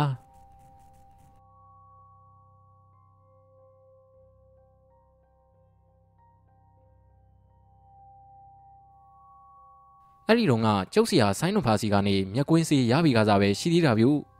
ဆရာဆိုင်းနုဖာကတစ်စုံမင်နှုတ်ခိုင်းဖို့ကျုပ်ကိုမျက်ကွင်းစီပေးတာလေဗျာတစ်စုံမင်ရလို့အောင်သွားတော့ကျုပ်ကိုအဲ့ဒီမျက်ကွင်းစီနဲ့ဝါကွင်းနဲ့စနွန်းဖြူပေးခဲ့တယ်စနွင်းဖြူကတော့ပြန်ဖြတ်တာလေဗျာဒီအကြောင်းတွေကိုခမညာသိပြီးရောပေါ့ဗျာအဲ့ဒီတော့ကတစ်စုံအစီရင်ပြီးလို့ဆရာဆိုင်းနုဖာပြန်ကားစားပဲရှိသေးတာဗျူကျုပ်မှတ်မိသေးတယ်နှွေးဘက်ကြီးဗျ ဖနှက်မပါပဲများတဲဘော်ကိုနင်းလိုက်မိရင်ဆွေ့ဆွေ့ခုံရလောက်အောင်ပူတဲ့ရာသီမျိုးတမာရိတ်မကြီးပင်ရိတ်တွေကိုခိုနေရတဲ့အချိန်ပေါ့ဗျာအဲ့ဒီနေကအမေးချက်တဲ့ဝတ်သားပုံရည်ကြီးဟင်းနဲ့ထမင်းသုံးပကံလောက်စားပြီးတော့ငကားစီဘောလေးလေးဖွာလို့ပေါ့ဗျာဒီလိုအချိန်များဆိုရင်ဝိုင်းတွေကလူတစ်ဖက်သားသားရှိတဲ့မကြီးပင်ကြီးအောက်ကကိုပြက်ကကျုပ်အတွက်တော့လောကစည်းစိမ်ပေါ့ဗျာငကားစီဘောလေးလေးသုံးလီးပွားဖွာရင်နဲ့ကျုပ်တစ်စုံမင်ကိုနှုတ်ခဲ့တာတွေမဖဲဝါကြီးရဲ့လက်ကနေအသက်လူပြီးတော့ပြေးခဲ့ရတာတွေ တစ်စုံပင်ဝင်နှုတ်တဲ့ကျုပ်ရဲ့နောက်ကိုနောက်ကနေထိုးလိုက်လာတဲ့မဖဲဝါကြီးကိုဆရာနွန်ဖားကလမ်းကတားထားတာတွေကိုကျုပ်ကပြန်ပြီးတော့စဉ်းစားနေတာပေါ့ဗျာခဏနေတော့ကျုပ်မျက်လုံးတွေဆင်းလာပြီဗျအမေချက်ကျွေးတဲ့ဝတ်သားနဲ့ဘုံရည်ကြီးကအစွမ်းပြလာပြီလေဗျာဝဘိုးချမ်းလေးပေါ်မှာပစိုးဟောင်းလေးခောက်ပြီးတော့ခင်းလိုက်တယ်ပြီးတာနဲ့ကျုပ်ကလည်းကိုပြစ်ပေါ်ကိုလှဲချလိုက်တာဗျဝဘိုးချမ်းနဲ့ခေါင်းနဲ့ထီယုံပဲရှိသေးတယ်ကျုပ်ရဲ့မျက်လုံးတွေကဖွင့်လို့မရတော့ပဲအိပ်ပျော်သွားတာဗျ နေကင်းကြောင်တောင်ပူပူလောင်လောင်ကြီးမှာကိုကျုပ်ကအိမ်မက်မက်နေတာဗျတင်ကြိုင်ကုန်းကြီးတစ်ခုတည်းကိုကျုပ်ကရောက်နေတာကျုပ်ရဲ့ဆရာဆရာနှုံဖာလဲပါတယ်ဗျတာတီပြေးပြေးမဖဲဝါကြီးလိုက်လာပြီကျုပ်ကနောက်ကိုတစ်ချက်လှည့်ကြည့်တယ်ဗျဟာဟုတ်ပါဗျာအရက်ကြီးကဆယ်ပေလောက်ကိုရှိတာဗျသပင်ကြီးကိုဖားရချလို့မျက်လုံးကြီးတစ်လုံးတစ်လုံးကလည်းလက်ဖက်ရည်ပကံလောက်ရှိပြီးတော့หนีရဲနေတာပဲဗျာကျုပ်နောက်ကိုပြေးလိုက်လာတာဗျကျုပ်လည်းတုတ်ကနေပဲပြေးတော့တာဗျ နောက်ကိုတစ်ချက်မှကိုလှည့်မကြည့်တော့ဘူးပေါ့ဗျာတင်ချိုင်ထွက်ပေါက်ကိုကျုပ်ကပြေးတာဟာတင်ချိုင်ထွက်ပေါက်နေရာမှာဘာအပေါက်မှမရှိတော့ဘူးဗျအပိတ်ကြီးဖြစ်နေတယ်ကျုပ်ကဂူရီကြားတွေကနေဆက်ပြီးတော့ပြေးတယ်ကျုပ်ပြေးနေတဲ့တင်ချိုင်ကြီးကလည်းအကြီးကြီးပဲဗျာရှေ့ကိုလှမ်းကြည့်လိုက်ရင်တော့မျက်စိတစ်စုံဂူဖြူဖြူတွေကြည့်ပဲဗျဒီလောက်ကျဲတဲ့တင်ချိုင်ကြီးမျိုးကိုကျုပ်တသက်မှတစ်ခါမှကိုမတွေ့ဘူးပါဘူးဗျာကျုပ်ကဂူရီကြားတွေကပြေးတာတင်ချိုင်ကြီးကလည်းမဆုံးနိုင်အောင်ကိုကျဲနေတာဆိုတော့ ကျုပ်မှလည်းပြေးရင်းနဲ့ဟောဟဲကိုလိုက်နေတာပေါ့ဗျာကျုပ်ခြေထောက်တွေဆိုတာကြွားလို့တော့မရကျင်တော့ဘူးဗျဆရာနှုံဖောက်ကိုလည်းမတွေ့ရတော့ဘူးအဲ့ဒီအချိန်မှာပဲကျုပ်ပခုံးကိုမဖဲဝါရဲ့အေးဆန်နေတဲ့လက်ကြီးကဖမ်းဆုပ်လိုက်တယ်ကျုပ်လည်းလန့်ဖြန်ပြီးတော့အောင်မလေးပြဆိုပြီးအတန်ကုန်ကိုကျုံးအောင်လိုက်တာဗျတကူလုံးလဲချွေးတွေကိုရွှဲနေပြီဗျဟဲ့ကောင်တတီဘာတွေဖြစ်နေတာတော့ကျုပ်ကလန့်ပြီးတော့မျက်စိဖွင့်ကြည့်တယ်ကျုပ်ရဲ့ပခုံးကိုကင်ထားတာကမဖဲဝါရဲ့လက်ကြီးမဟုတ်တော့ဘူးဗျ ကိုအောင်သိန်းကြီးဗျဗန်ပွေးကုန်းကကိုအောင်သိန်းလီဗျာဒီလူကလည်းထွားထွားချမ်းချမ်းကြီးပဲဗျကျုပ်ပခုံးကိုကင်ပြီးလှုပ်နှုံနေတဲ့သူ့ရဲ့လက်ဝါးကြီးကလည်းအကြီးကြီးပဲဗျဟင်ကိုကြီးအောင်သိန်းအေးငါပါကွာတတိယမင်းကဘာဖြစ်နေတာတော့ကျုပ်ကလည်းငုတ်တုတ်ထထိုင်ပြီးတော့ကြောင်တောင်တောင်ဖြစ်နေတဲ့ကျုပ်ရဲ့စိတ်ကိုငြိမ်အောင်ထိန်းလိုက်ရတယ်ကျုပ်အိမ်မက်မက်နေတာကိုကြီးအောင်သိန်းရဲ့ဟာနေကင်းကြောင်တောင်ကြီးတတိယ ကိုအောင်သိန်းကြီးကပြောပြီးတော့ရီတော့တာဗျို့ကျုပ်ကလည်းကိုအောင်သိန်းကိုဘာမှပြန်မပြောဘဲရီယုံမဲရီနေလိုက်ရတာပေါ့ဗျာတစ်သားကိုပြစ်မှာဝင်းထိုင်ချလိုက်တဲ့ကိုအောင်သိန်းကြီးကိုကျုပ်ကငကားစီးပေါ်လေးလေးတလေးမင်းညှိပြီးတော့ကမ်းပြီးတယ်နေပူကျဲကျဲကြီးတွေကရောက်လာတဲ့ကိုအောင်သိန်းကြီးကတော့ကျုပ်တဲတဲ့ငကားစီးပေါ်လေးလေးကိုဖွာပြီးအမောဖြေတာဗျို့ပြီးတော့မှသူ့ကောင်းကဝါဘက်ခမောက်လေးကိုချွတ်ပြီးတော့စီးကြလာတဲ့ချွေးတွေကိုသူ့ပကုံးပေါ်မှာတင်ထားတဲ့ပစိုးချမ်းလေးနဲ့ခက်ကြမ်းကြမ်းတုံနေတယ်ဗျကိုကြီးအောင်သိန်းနေပူကြီးတဲ့ဘယ်သွားမှာတော့ဗျ ကျုပ်ကဆေးလိတ်လေးဖွာရင်းနဲ့ကိုအောင်သိန်းကိုမေးလိုက်တယ်။ကိုအောင်သိန်းကဗန်ပွေးကုန်းကဘိုးမင်းတင်ရဲ့သားဗျ။ဘိုးမင်းတင်ဆိုတာကလူသားကြီးပြူ။လွတ်ကိုလုံးလုံးပြီးလွတ်ယူသားတဲ့လူပေါ့ဗျာ။ဘိုးမင်းတင်ရဲ့မိမကတော့ကိုအောင်သိန်းကိုမွေးပြီးမီးတွင်းထဲမှာပဲဆုံးသွားတာတယ်ဗျ။ကိုအောင်သိန်းကတူးရဲတော်သားပေါ့ဗျာ။ဘိုးမင်းတင်ကနောက်အိမ်တော်မပြူတော့အဖေတစ်ခုသားတစ်ခုလေးပေါ့ဗျာ။ကိုအောင်သိန်းကလည်းသူ့အဖေဘိုးမင်းတင်ကြီးလိုပဲထွားထွားချမ်းချမ်းကြီးဗျ။ပြီးတော့သူ့အဖေလိုပဲလွတ်ကိုရိုးတဲ့လူကြီးပြူ။ အိမ်အောင်ရသားပြုတ်ဖို့လဲတခါမှကိုတွေးတာမဟုတ်ဘူးဗျတားဖနှစ်ယောက်စလုံးအလုတ်ကိုပဲစူးစမ်းပန်းစားလုပ်ကြတာဗန်ပွေးကုန်းမှာတာရေးနာရေးရှိလို့ကတော့ဘိုးမင်းနေတို့တားဖကရှေ့ဆုံးကားပေါ့ဗျာလူချစ်လူခင်လှုပ်ကိုပေါ်တဲ့တားဖဗျဟက်ကောင်တာတရငါကဘယ်မှသွားစရာမရှိဘူးကွာမင်းစီကိုလာတာကိုကြီးအောင်သိန်းကလည်းဗျာညနေနေဆောင်တော့မှပဲလာရောပေါ့ပူလိုက်တဲ့နေဆိုတာဟိန်းဟင်းကိုထနေတာဗျအေးကွာတာတရမင်းပြောတာလဲဟုတ်တာပဲ ဒါပေမဲ့ကိစ္စကအရေးကြီးနေလို့နေပူကြီးတဲ့ပဲထွက်ခဲ့ရတာဟိဘလို့ပြကိုရောင်သိန်းရဲ့ဘာရီများအရေးကြီးလို့တော့ကိုအောင်သိန်းကြီးကငကားစီးပေါ်လေးကိုဇက်တိုက်ဖွာနေသေးတာဗျပြီးတော့မှပြောတယ်ဒီလိုကွာတာတရငါအဖငယ်ငယ်ကမြို့ချောင်းသွားတတ်ဘူးတယ်အဲ့ဒီမှာအဘနဲ့တော်တော်ခင်းနဲ့တငယ်ချင်းတယောက်ရှိဘူးတယ်ကွာအဘကတော့သူ့ကိုကိုညိုလို့ခေါ်တာပဲကွာအသက်60လောက်တော့ရှိပြီအဲ့ဒီကိုညိုဆိုတဲ့ဘိုးတော်ကအခုငါတို့အိမ်ကိုရောက်နေတယ် ဗျာအဲ့ဒီဘိုးတော်ကိုကျုပ်ကလိုက်ပြီးတော့အခန့်ပေးရမှာလားကိုရောင်သိန်းရဲ့ဟာမဟုတ်တာတာဒီယာအဲ့ဒီဘိုးတော်ကအဘတငယ်ချင်းပဲအဘပဲအခန့်မှာပေါ့ကွာအဲ့ဒါဆိုရင်ကိုကြီးအောင်သိန်းကျုပ်စီလာတာကဒီအကြောင်းလာပြောတာလားအေးဟုတ်တယ်တာဒီယာဟာဗျာကိုကြီးအောင်သိန်းကလည်းခမည်းတော်အိမ်ကိုဧည့်သည်လာတာပဲနေပူကြီးတဲ့လာပြောစရာလိုလို့လားဗျာ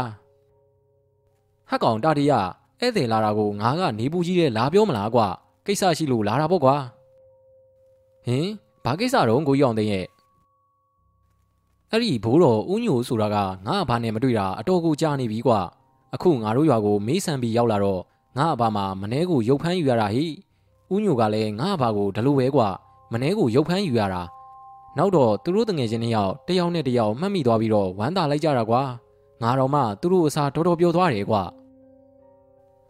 ကိုကြီးအောင်သိန်ပြောနေတာတွေကိုကျုပ်ကတော့အခုထိနားမရှင်းသေးဘူးဗျ။သူကျုပ်စီကိုလာတဲ့ကိစ္စကအခုထိပါမလာသေးဘူးလေဗျာ။ကျုပ်ကလည်းသူပြောတာကိုဆက်ပြီးတော့နားထောင်ရတာပေါ့ဗျာ။အေးကွာအခုလိုပြန်တွေးတော့မှအဘရဲ့တငယ်ချင်းဦးညိုကဆရာတယောက်ဖြစ်နေတာကိုအဘကသိတာဟိ။ဟင်ဟုတ်လားဘာဆရာတုံးဗျ။အထက်လန်းဆရာကြီးတာတရတောရီတောင်နေထဲမှာလှဲ့လေသွားပြီးတော့အထက်လန်းကျင့်စဉ်တွေကိုအားထုတ်နေတာဆိုပဲကွာ။ဒါနဲ့နေပါဦးဗျ ဒီဆီယာမာကအိမ်အောင်နေပါရောမရှိဘူးလားကိုကြီးအောင်သိန်းရဟာမရှိဘူးလေကွာတခါမှအိမ်အောင်မပြုတ်ဘူးတဲ့ဟိအသက်20လောက်ကလေးကအထက်လန်းကိုလိုက်စားခဲ့တာလေကွာလူပုံမှန်ကရောဘလို့နေတော့ဗျဟာတာတရီဥညူသာဆိုတယ်ကွာအသားတွေကတော့ဖြူပြီးတော့နုနေတာဟိမျက်လုံးတွေကလည်းကြည်ပြီးတော့တောက်နေတာကွာစားတော့လေတက်တက်လွတ်ပဲစားတာထိုင်နေရင်လည်းအလကားနေတာမဟုတ်ဘူးကွာပရီးတကုန်းကိုလက်ကကင်ပြီးတော့ပရီးအမြဲစိတ်နေတာ ဒါနဲ့ဒီစီယာကဘိုးမင်းနဲ့စီကိုအလဲလာတာလားဗျမဟုတ်ဘူးတာတီကသူ့ကိစ္စနဲ့သူလာတာဟင်ဘာကိစ္စများတော့ကိုရောင်သိန်းရဲ့ဒီလိုလဲကွာတာတီကဆရာညိုကအင်မတန်ကိုမှလှုပ်ဝက်နန်းနေတဲ့အစီရင်တစ်ခုကိုစီရင်နေတာတဲ့ဟေ့ဟင်ဟုတ်လားဘာစီရင်လုံးပြကိုရောင်သိန်းကပြောစမ်းပါဦးဆရာညိုရဲ့စီရင်ကတစီတရာမော်ဝင်ထားတဲ့တာတီဗျာတစီတရာမော်ဝင်တာ ဟုတ်လားကျုပ်ဖြင့်ကြားတော့မကြားဘူးပါဘူးဗျာအေးဟုတ်တယ်ကွာဆရာညိုစီရင်နဲ့အဲ့ဒီစီရင်ကအားလုံးအောင်လာခဲ့ပြီတဲ့ကွာအခုကနောက်ဆုံးစီရင်ရမယ့်အဆင့်ကိုရောက်နေပြီတဲ့တာတရဟာဟုတ်လားဗျ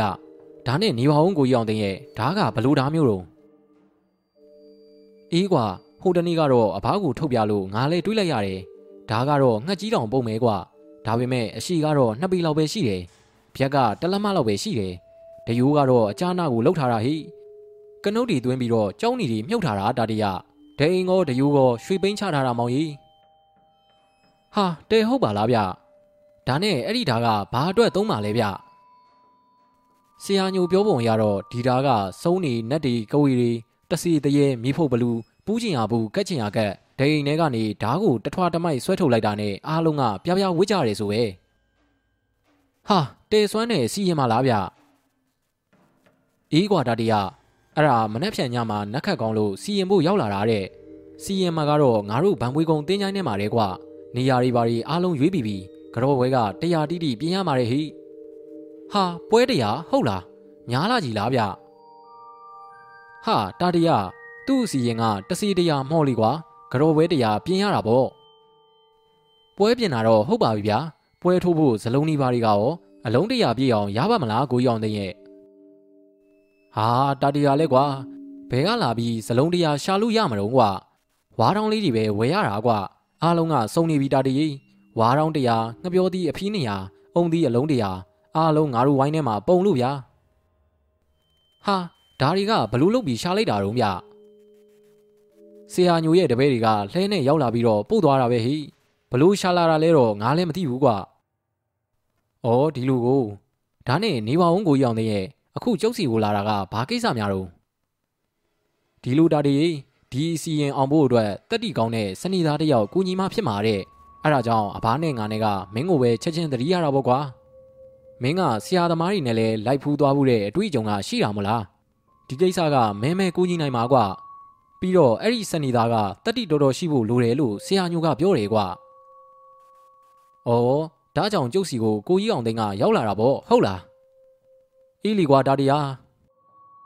ဒီအစီရင်ကိုကျုပ်လဲတော်တော်တော့စိတ်ဝင်စားတယ်ဗျကျုပ်ကပြောရင်းနဲ့စဉ်းစားတာဗျဆီယာနွန်ဖားနဲ့တစ်စုံပင်လိုက်နှုတ်ပြီးကြတဲ့ကကျုပ်ကလည်းငြိမ်နေတာဆိုတော့အခုပေါ်လာတဲ့ကိစ္စကိုတော်တော်စိတ်ဝင်စားသွားတာဗျကဲကိုကြီးအောင်သိန်းစိတ်ချပြီးတော့ပြန်ဗျာမနှက်ပြန်မနှက်စာစားပြီးတာနဲ့ကျုပ်လာခဲ့မယ်ဟာတာတီကလည်းကွာဘဲနဲ့ထမင်းစားပြီးမှလာမှာတော့ကွာဟိုရောက်မှစားလီကွာငါတို့အိမ်ကအားနာရမယ်အိမ်မိုးလို့လား မင်းထမင်းစားလာရင်မင်းရဲ့ဘိုးမင်းနေကြီးကမင်းကိုငေါ့လိုက်မယ်တာတီဟုတ်တော့ဟုတ်တယ်ဗျကိုကြီးအောင်သိရင်အဘဘိုးမင်းနေကြီးကကျုပ်ဆိုရင်လွတ်ခင်တာဗျကျုပ်ဘာနဲ့ဘိုးမင်းနေကလည်းငယ်ပေါင်းနေလေဗျာကဲဗျာကျုပ်ကိုကြီးအောင်သိန်းတို့အိမ်အောင်မှပဲမနှက်စာစားမယ်ဗျာအဲ့ဒီလိုလှုပ်ဆမ်းမာတာတီယာကျုပ်လာမယ်ဆိုတော့ကိုကြီးအောင်သိန်းကလည်းစိတ်အေးသွားရောဗျကျုပ်နဲ့ထိုင်ပြီးတော့ထွေရလေးပါပြောကြဆိုကြတာပေါ့ဗျာ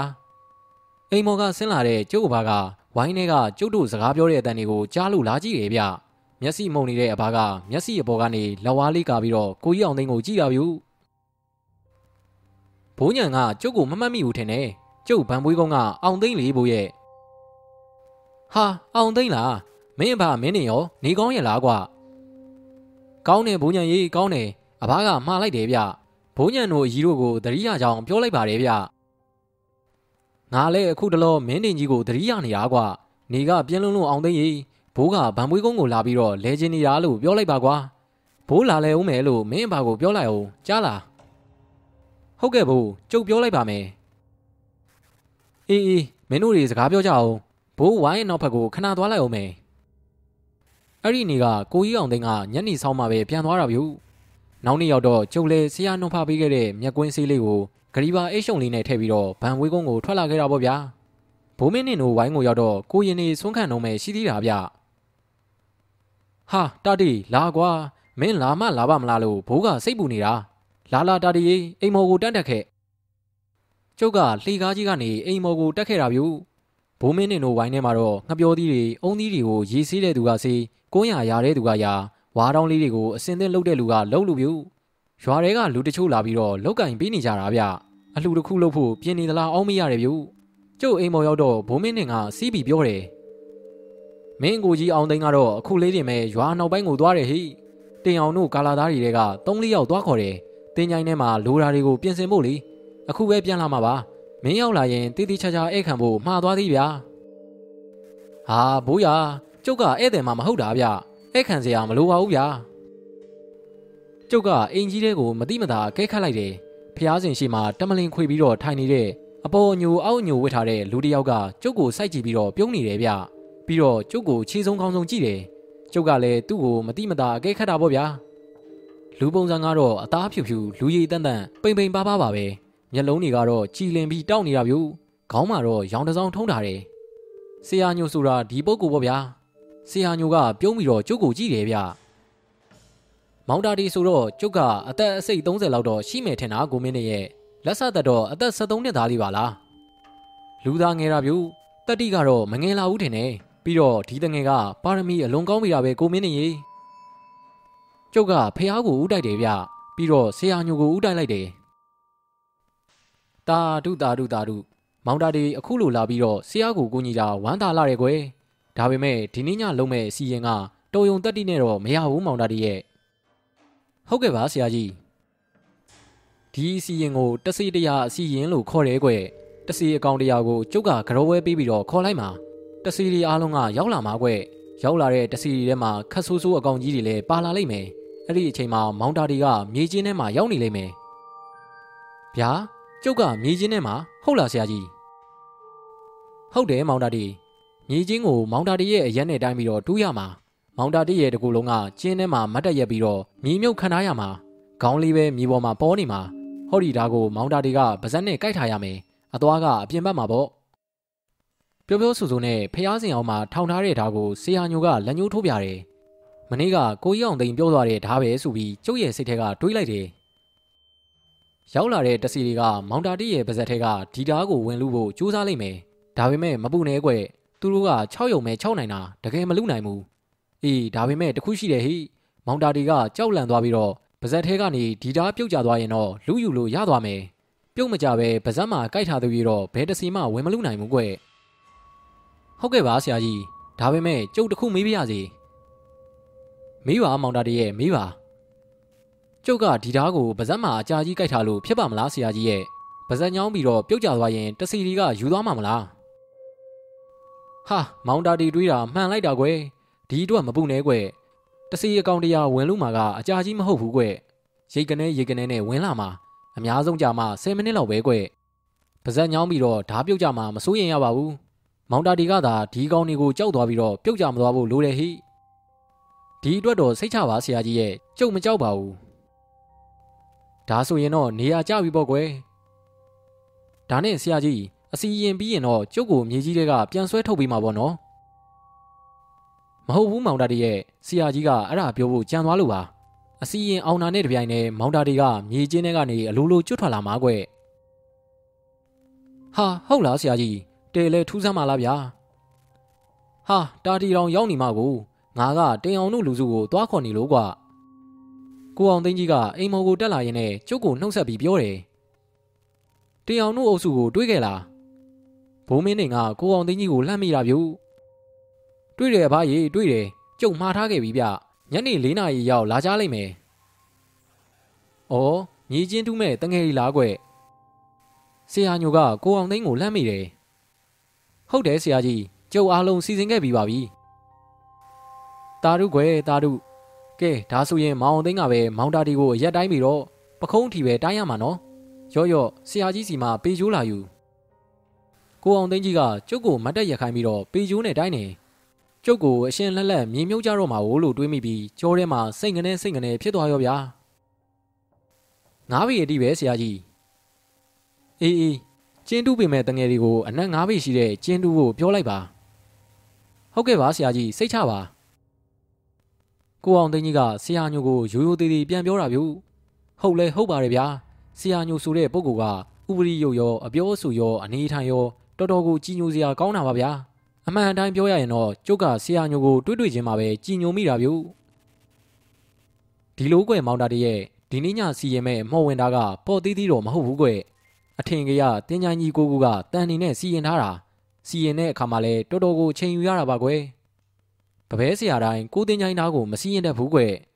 မီးပြင်းပြင်းဖုတ်ပြီးထုလိုက်ကြက်ချီပုံးထဲကိုထိုးထားလိုက်ပြန်ဖုတ်လိုက်ပြန်ထုလိုက်ကြက်ချီထဲကိုနှစ်ထားလိုက်နဲ့နှစ်ချီပြီးတော့စီရင်ရတာ ဒီတော့မှတန်မဏိဖြစ်လာပြီးစောစောကမောင်တာတီမြင်လိုက်တဲ့ဓာတ်ကဖွေးလန့်နေတော့တာကွ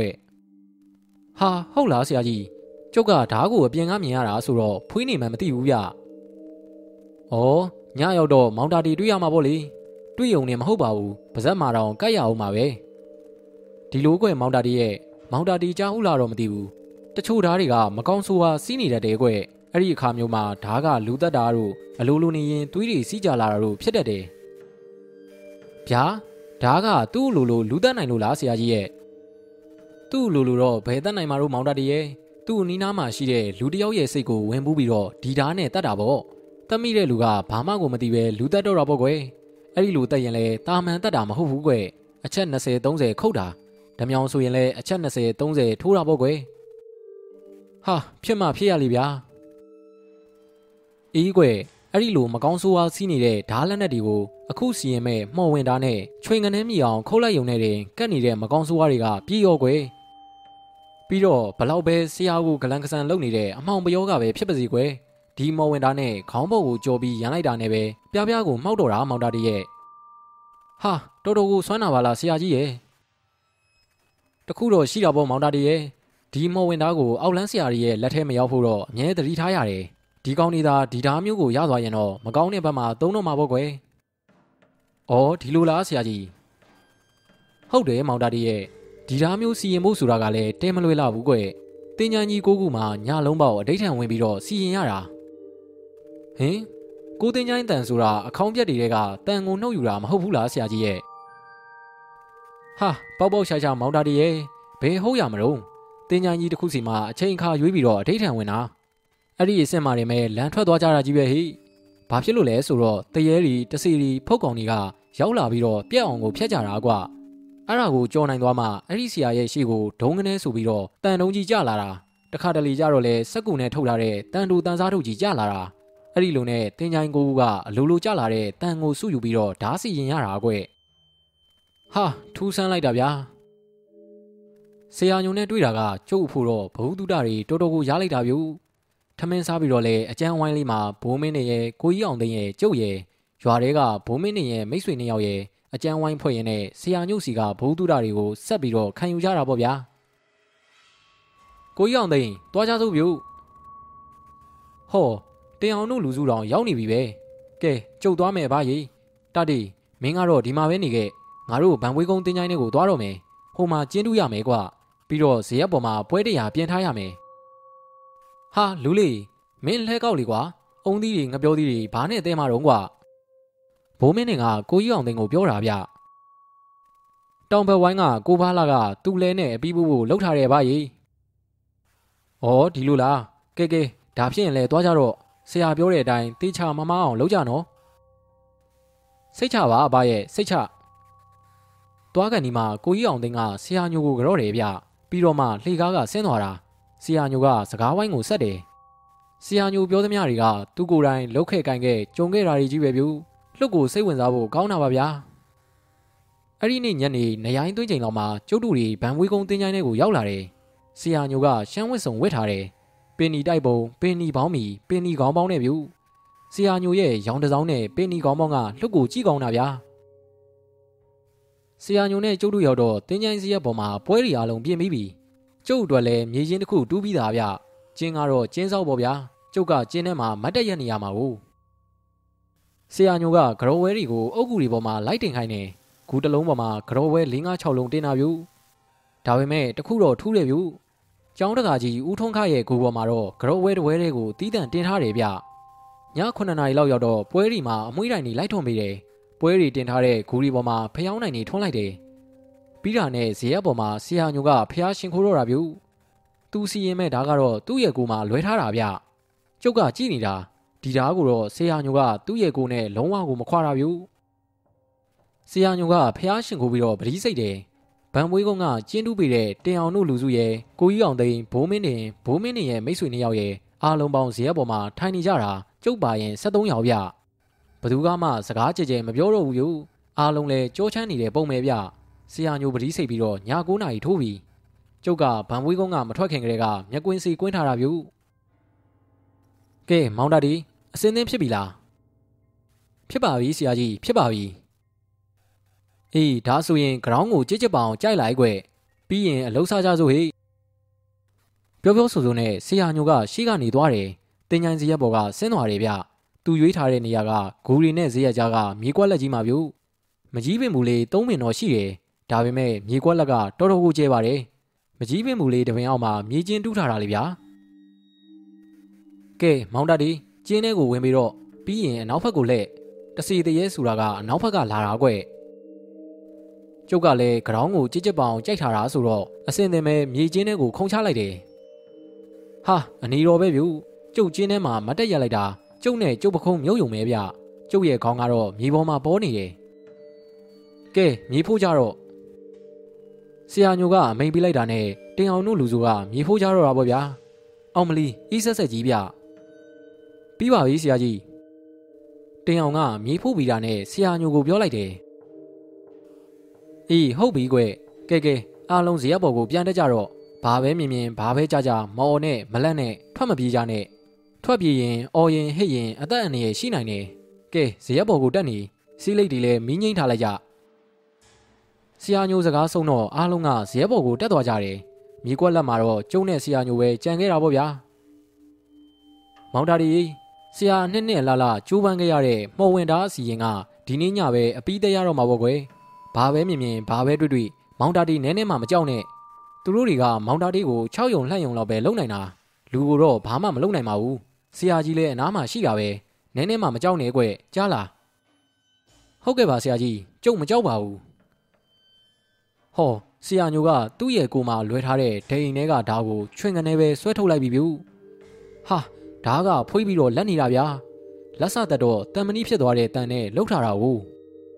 ဆရာညိုကဓားကိုသူ့ရဲ့လက်ဝါးနှစ်ဖက်ပေါ်မှာတင်ပြီးတော့မန်နန်နီရွတ်တယ်ကဲမောင်တာဒီမင်းပါဇက်ဟပြီတော့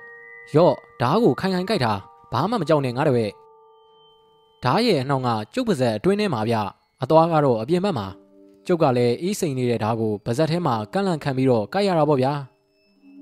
ဆရာညိုကကျုပ်ရဲ့တောင်ဘက်မှာရှိတဲ့မကြီးပင်မူလေးအောင်မှာတမလင်ခွေပြီးတော့မန်နန်နီကိုစပြီးရွတ်တော်တာဗျကျုပ်စိတ်ရထင်တော့10မိနစ်လောက်ပဲရှိမယ်ဗျဟာကြီးတွေကလန့်ပြီးတော့ပြိုကုန်တာဗျို့တင်ချိုင်ကုန်းပတ်ပတ်လည်မှာရှိတဲ့တစ်ပင်ကြီးတွေပေါ်မှာအိတ်တန်းတက်နေတဲ့ကြီးကန်းတွေပြိုကုန်တာဗျို့ဟောခွေးဥတန်ကြီးဗျအတန်ကြီးကလည်းတင်ချိုင်ရဲ့နောက်ဖက်ကပေါ်လာပါလား ကျုပ်ဖြင့်ကြောထဲမှာဖြန်းကနေဖြန်းကနေဖြစ်ပြီးတော့ကြက်သိန်းတွေကိုထားလိုက်တာဗျာတတိထားမောင်တာတွေလာကြပြီဟေ့မန်နန်ရွတ်နေတဲ့ဆရာညိုကကျုပ်ကိုတတိတစ်ချက်လှမ်းပေးပြီးတော့မန်နန်ဆက်ရွတ်တယ်ဗျဆရာညိုဘာတွေရွတ်နေတယ်ဆိုတာတော့ကျုပ်လည်းမသိဘူးဗျို့ဟာအများကြီးပါလားကျုပ်လှမ်းကြည့်လိုက်တော့ဂူရီပေါ်မှာမဲမဲအကောင်းနေပြီမနှဲပါဘူးဗျာမျက်လုံးနေဆိုတာหนีရဲနေရပဲမျက်လုံးနေနေကြီးတွေကကျုပ်ကိုဝိုင်းကြည့်နေရပြီ ကျုပ်ဖြင့်ကြက်သိန်းနေထားလိုက်တာဆိုတာဗျာပြီးတော့သပင်တွေလည်းထောင်နေတယ်လို့ကိုထင်တာဗျဆရာညိုကတော့မန်နန်ကိုအတန်ပူကျဲပြီးတော့ရွတ်တယ်ဗျဆရာညိုကလည်းဒီကောင်းတွေကိုမြင်ရတဲ့ပုံပဲလှမ်းကြည့်နေရပြီဟာလာပြီဗျတဝီဝီအတန်ကြီးတွေနဲ့ကျုပ်ရဲ့မျက်နှာရှိကဖြတ်ပြီးတော့ပြေးနေကြတာဒါပေမဲ့ပါဇက်ထဲကဓားကိုဝင်လူတဲ့အကောင်တော့မပဘူးဗျတတုတ်ကတော့ပျောက်သွားပြီလူဟေးလူဟေးလူဟေး ဟာအတန်နဲ့ကြီးနဲ့အော်လိုက်တာဗျာကျုပ်ဖြင့်ရင်ထဲမှာဒိန်ကနေတော့မြည်သွားတယ်ထင်တာပဲဗျပြေးလာပြီဗျပူပူဝါဝအကောင်ကြီးကြီးဗျကျုပ်စီကိုအုပ်လိုက်ကြီးတက်တက်ပြေးလာတာဗျအောင်မလီအောင်မလီကျုပ်ကိုတက်မြနင်းတော့မှလားလို့ကျုပ်ကတွေးနေတော့မှပဲကျုပ်ရဲ့မျက်နှာနဲ့တထောင်လောက်ရောက်มาတော့ဖြောက်ကနေဖြောက်ကနေပျောက်ကုန်ကြတာဗျဟောသပင်ဖားရကြီးတွေနဲ့အုပ်လိုက်ကြီးလာပြန်ပြီဗျာတချို့အကောင်ကြီးတွေကရှာကြီးတွေကိုတွဲလောင်းချလို့ဗျရှာကြီးတွေကမြေကြီးနဲ့ထိလူထိခင်ကိုကြားနေတာဗျာ ဖះဖះပြေးလာကြပြီဗျ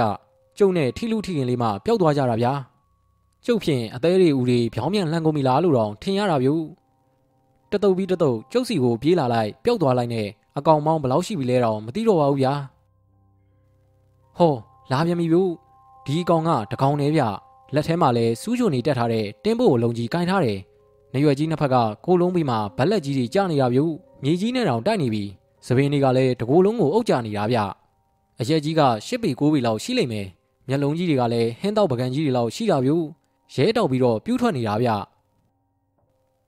ဟောလက်ထဲကတင်းမုတ်ကြီးနဲ့ကျုပ်ကိုလှမ်းထူတော့မလို့လုံနေတယ်ဗျရှေ့ကိုတလန်ပြီးတလန်တိုးလာတာကျုပ်ရဲ့မျက်နှာနဲ့တော့အတော်ကက်နေပြီလက်ထဲကတင်းမုတ်ကြီးကိုလေထဲမှာဝှေ့ရမ်းပြီးတော့ကျုပ်ကိုထူတော့မလို့သုံးကလောက်လုတ်တယ်ဗျပြီးတော့ဖြောက်ကနေပျောက်သွားတယ်ဟောကုံသွားပြီဗျဂူတွေပေါ်မှာတကောင်းမှမကြံတော့ဘူးဟင် ခွေးဦးတန်ကြီးကဖြုံကနေပေါ်လာပါလားဟာကျောင်းတကာကြီးဦးထွန်းခရဲ့ဂူပေါ်မှာစောင်းကြောင်ကြီးထိုင်နေတာမဖဲဝဗျအောင်မလီမဖဲဝကြီးပါပါလာပါလားဖះဖះဒီတခါတော့ကိုကျိုးနေပြီထင်ပါရဲ့ဗျာဆီယာနွန်ဖရဲ့တစ်ဆုံးမင်နှုတ်တုံးကမဖဲဝကိုကျုပ်ကမြင်မှုထားတာလေဗျာဟောဆီယာညိုကထလာပြီးတော့ကျုပ်ဘက်ကိုခတ်တုတ်တုတ်ရှောက်လာတယ်ဗျပြီးတော့ကျုပ်ကိုပြောတယ်ရပြီမောင်တာဒီမင်းကိစ္စပြီးပြီဆီယာကိစ္စပဲကြံတော့တယ် ကဲဓာပြီးပြီတော့ကျုပ်ပါဇက်ထဲကဓာကိုဆီယာညိုကဆွဲယူသွားတယ်ဘာလို့မလို့ပါလဲလို့ကျုပ်ကကြည့်နေတော့မှပဲမဖဲဝါထိုင်နေတဲ့အုတ်ကူကြီးစီကိုဆီယာညိုကသွားပြီးတော့မဖဲဝါကိုဓာကန့်ပေးတယ်ဗျဟာမဖဲဝါကဆီယာညိုပေးတဲ့ဓာကိုစက္ကနေဆွဲယူပြီးတော့လွှာကနေထခုန်တာဗျာဆယ်ပီလောက်ရှိတဲ့အရက်ကြီးနဲ့သပင်ဖားရကြီးဗျကျုပ်ဖြင့်အသားတွေကိုတစက်စက်တုံတော့တာဗျဟာခုတ်ပြီဗျာမဖဲဝါကြီးကဆီယာညိုကိုဓာနဲ့လိုက်ခုန်နေတာဗျ ဆီယာညိုကလည်းမညမ်းတဲ့လူပါဗျာခုံလိုက်ရှောင်းလိုက်ရိမ့်လိုက်နဲ့မဖဲဝါရဲ့ဓာချက်တွေကိုရှောင်းနေတယ်ဗျမဖဲဝါကလည်းခုတ်ဆီယာညိုကလည်းရှောင်းနေဓာချက်၁၂ချက်လောက်မှာတော့မဖဲဝါကစက်မခုတ်တော့ပဲအတန်နဲ့ကြီးနဲ့တဟီဟီအော်ရီရင်ပျောက်သွားတာဗျဒါကတော့ဆရာညိုရဲ့ရှိတလန်လောက်မှာမြေကြီးမှာစိုက်နေတယ်ဗျဆရာညိုကဓားကိုချက်ချင်းပဲပြေးနှုတ်တယ်အောင်မီဆိုပြီးသုံးကွန်းဆင့်អော်တယ်ဗျဟာကျုပ်လဲမြေကြီးတွေကနေကျွတ်ထွက်သွားပြီဗျ ကျုပ်ကကျင်းနှခမ်းမှာမတ်တက်ရက်လိုက်တယ်ဂရောင်းကြက်ရက်နေပဲဗျကျေအောင်ဖြုတ်ဖြလေးအောင်မှာဝမ်းသာအားရနဲ့ရီမောနေတဲ့ဆရာညိုကိုကြည့်ပြီးတော့ကျုပ်ကလည်းရောပြီးပြောနေတာပေါ့ဗျာစာရေးဆရာတာတီရဲ့စိတ်ဝင်စားစရာပရလောကဇာတ်လမ်းတွေကိုစူးစီးထားတဲ့တာတီပေါင်းချုပ်အပိုင်း၅ကတော့ဒီမှာနေမဲ့ပြီးဆုံးသွားပါပြီခင်ဗျာနားထောင်သူပရိသတ်များအားလုံးကိုစိတ်နှဖျားကျမ်းမာချမ်းသာကြပါစေခင်ဗျာဒီဗီဒီယိုလေးကိုကြိုက်တယ်ဆိုရင်တော့အောက်မှာ like လုပ်ပေးဖို့တောင်းဆိုချင်ပါတယ်အားလုံးပဲအိမ်မက်လာလာမကြပါစေခင်ဗျာ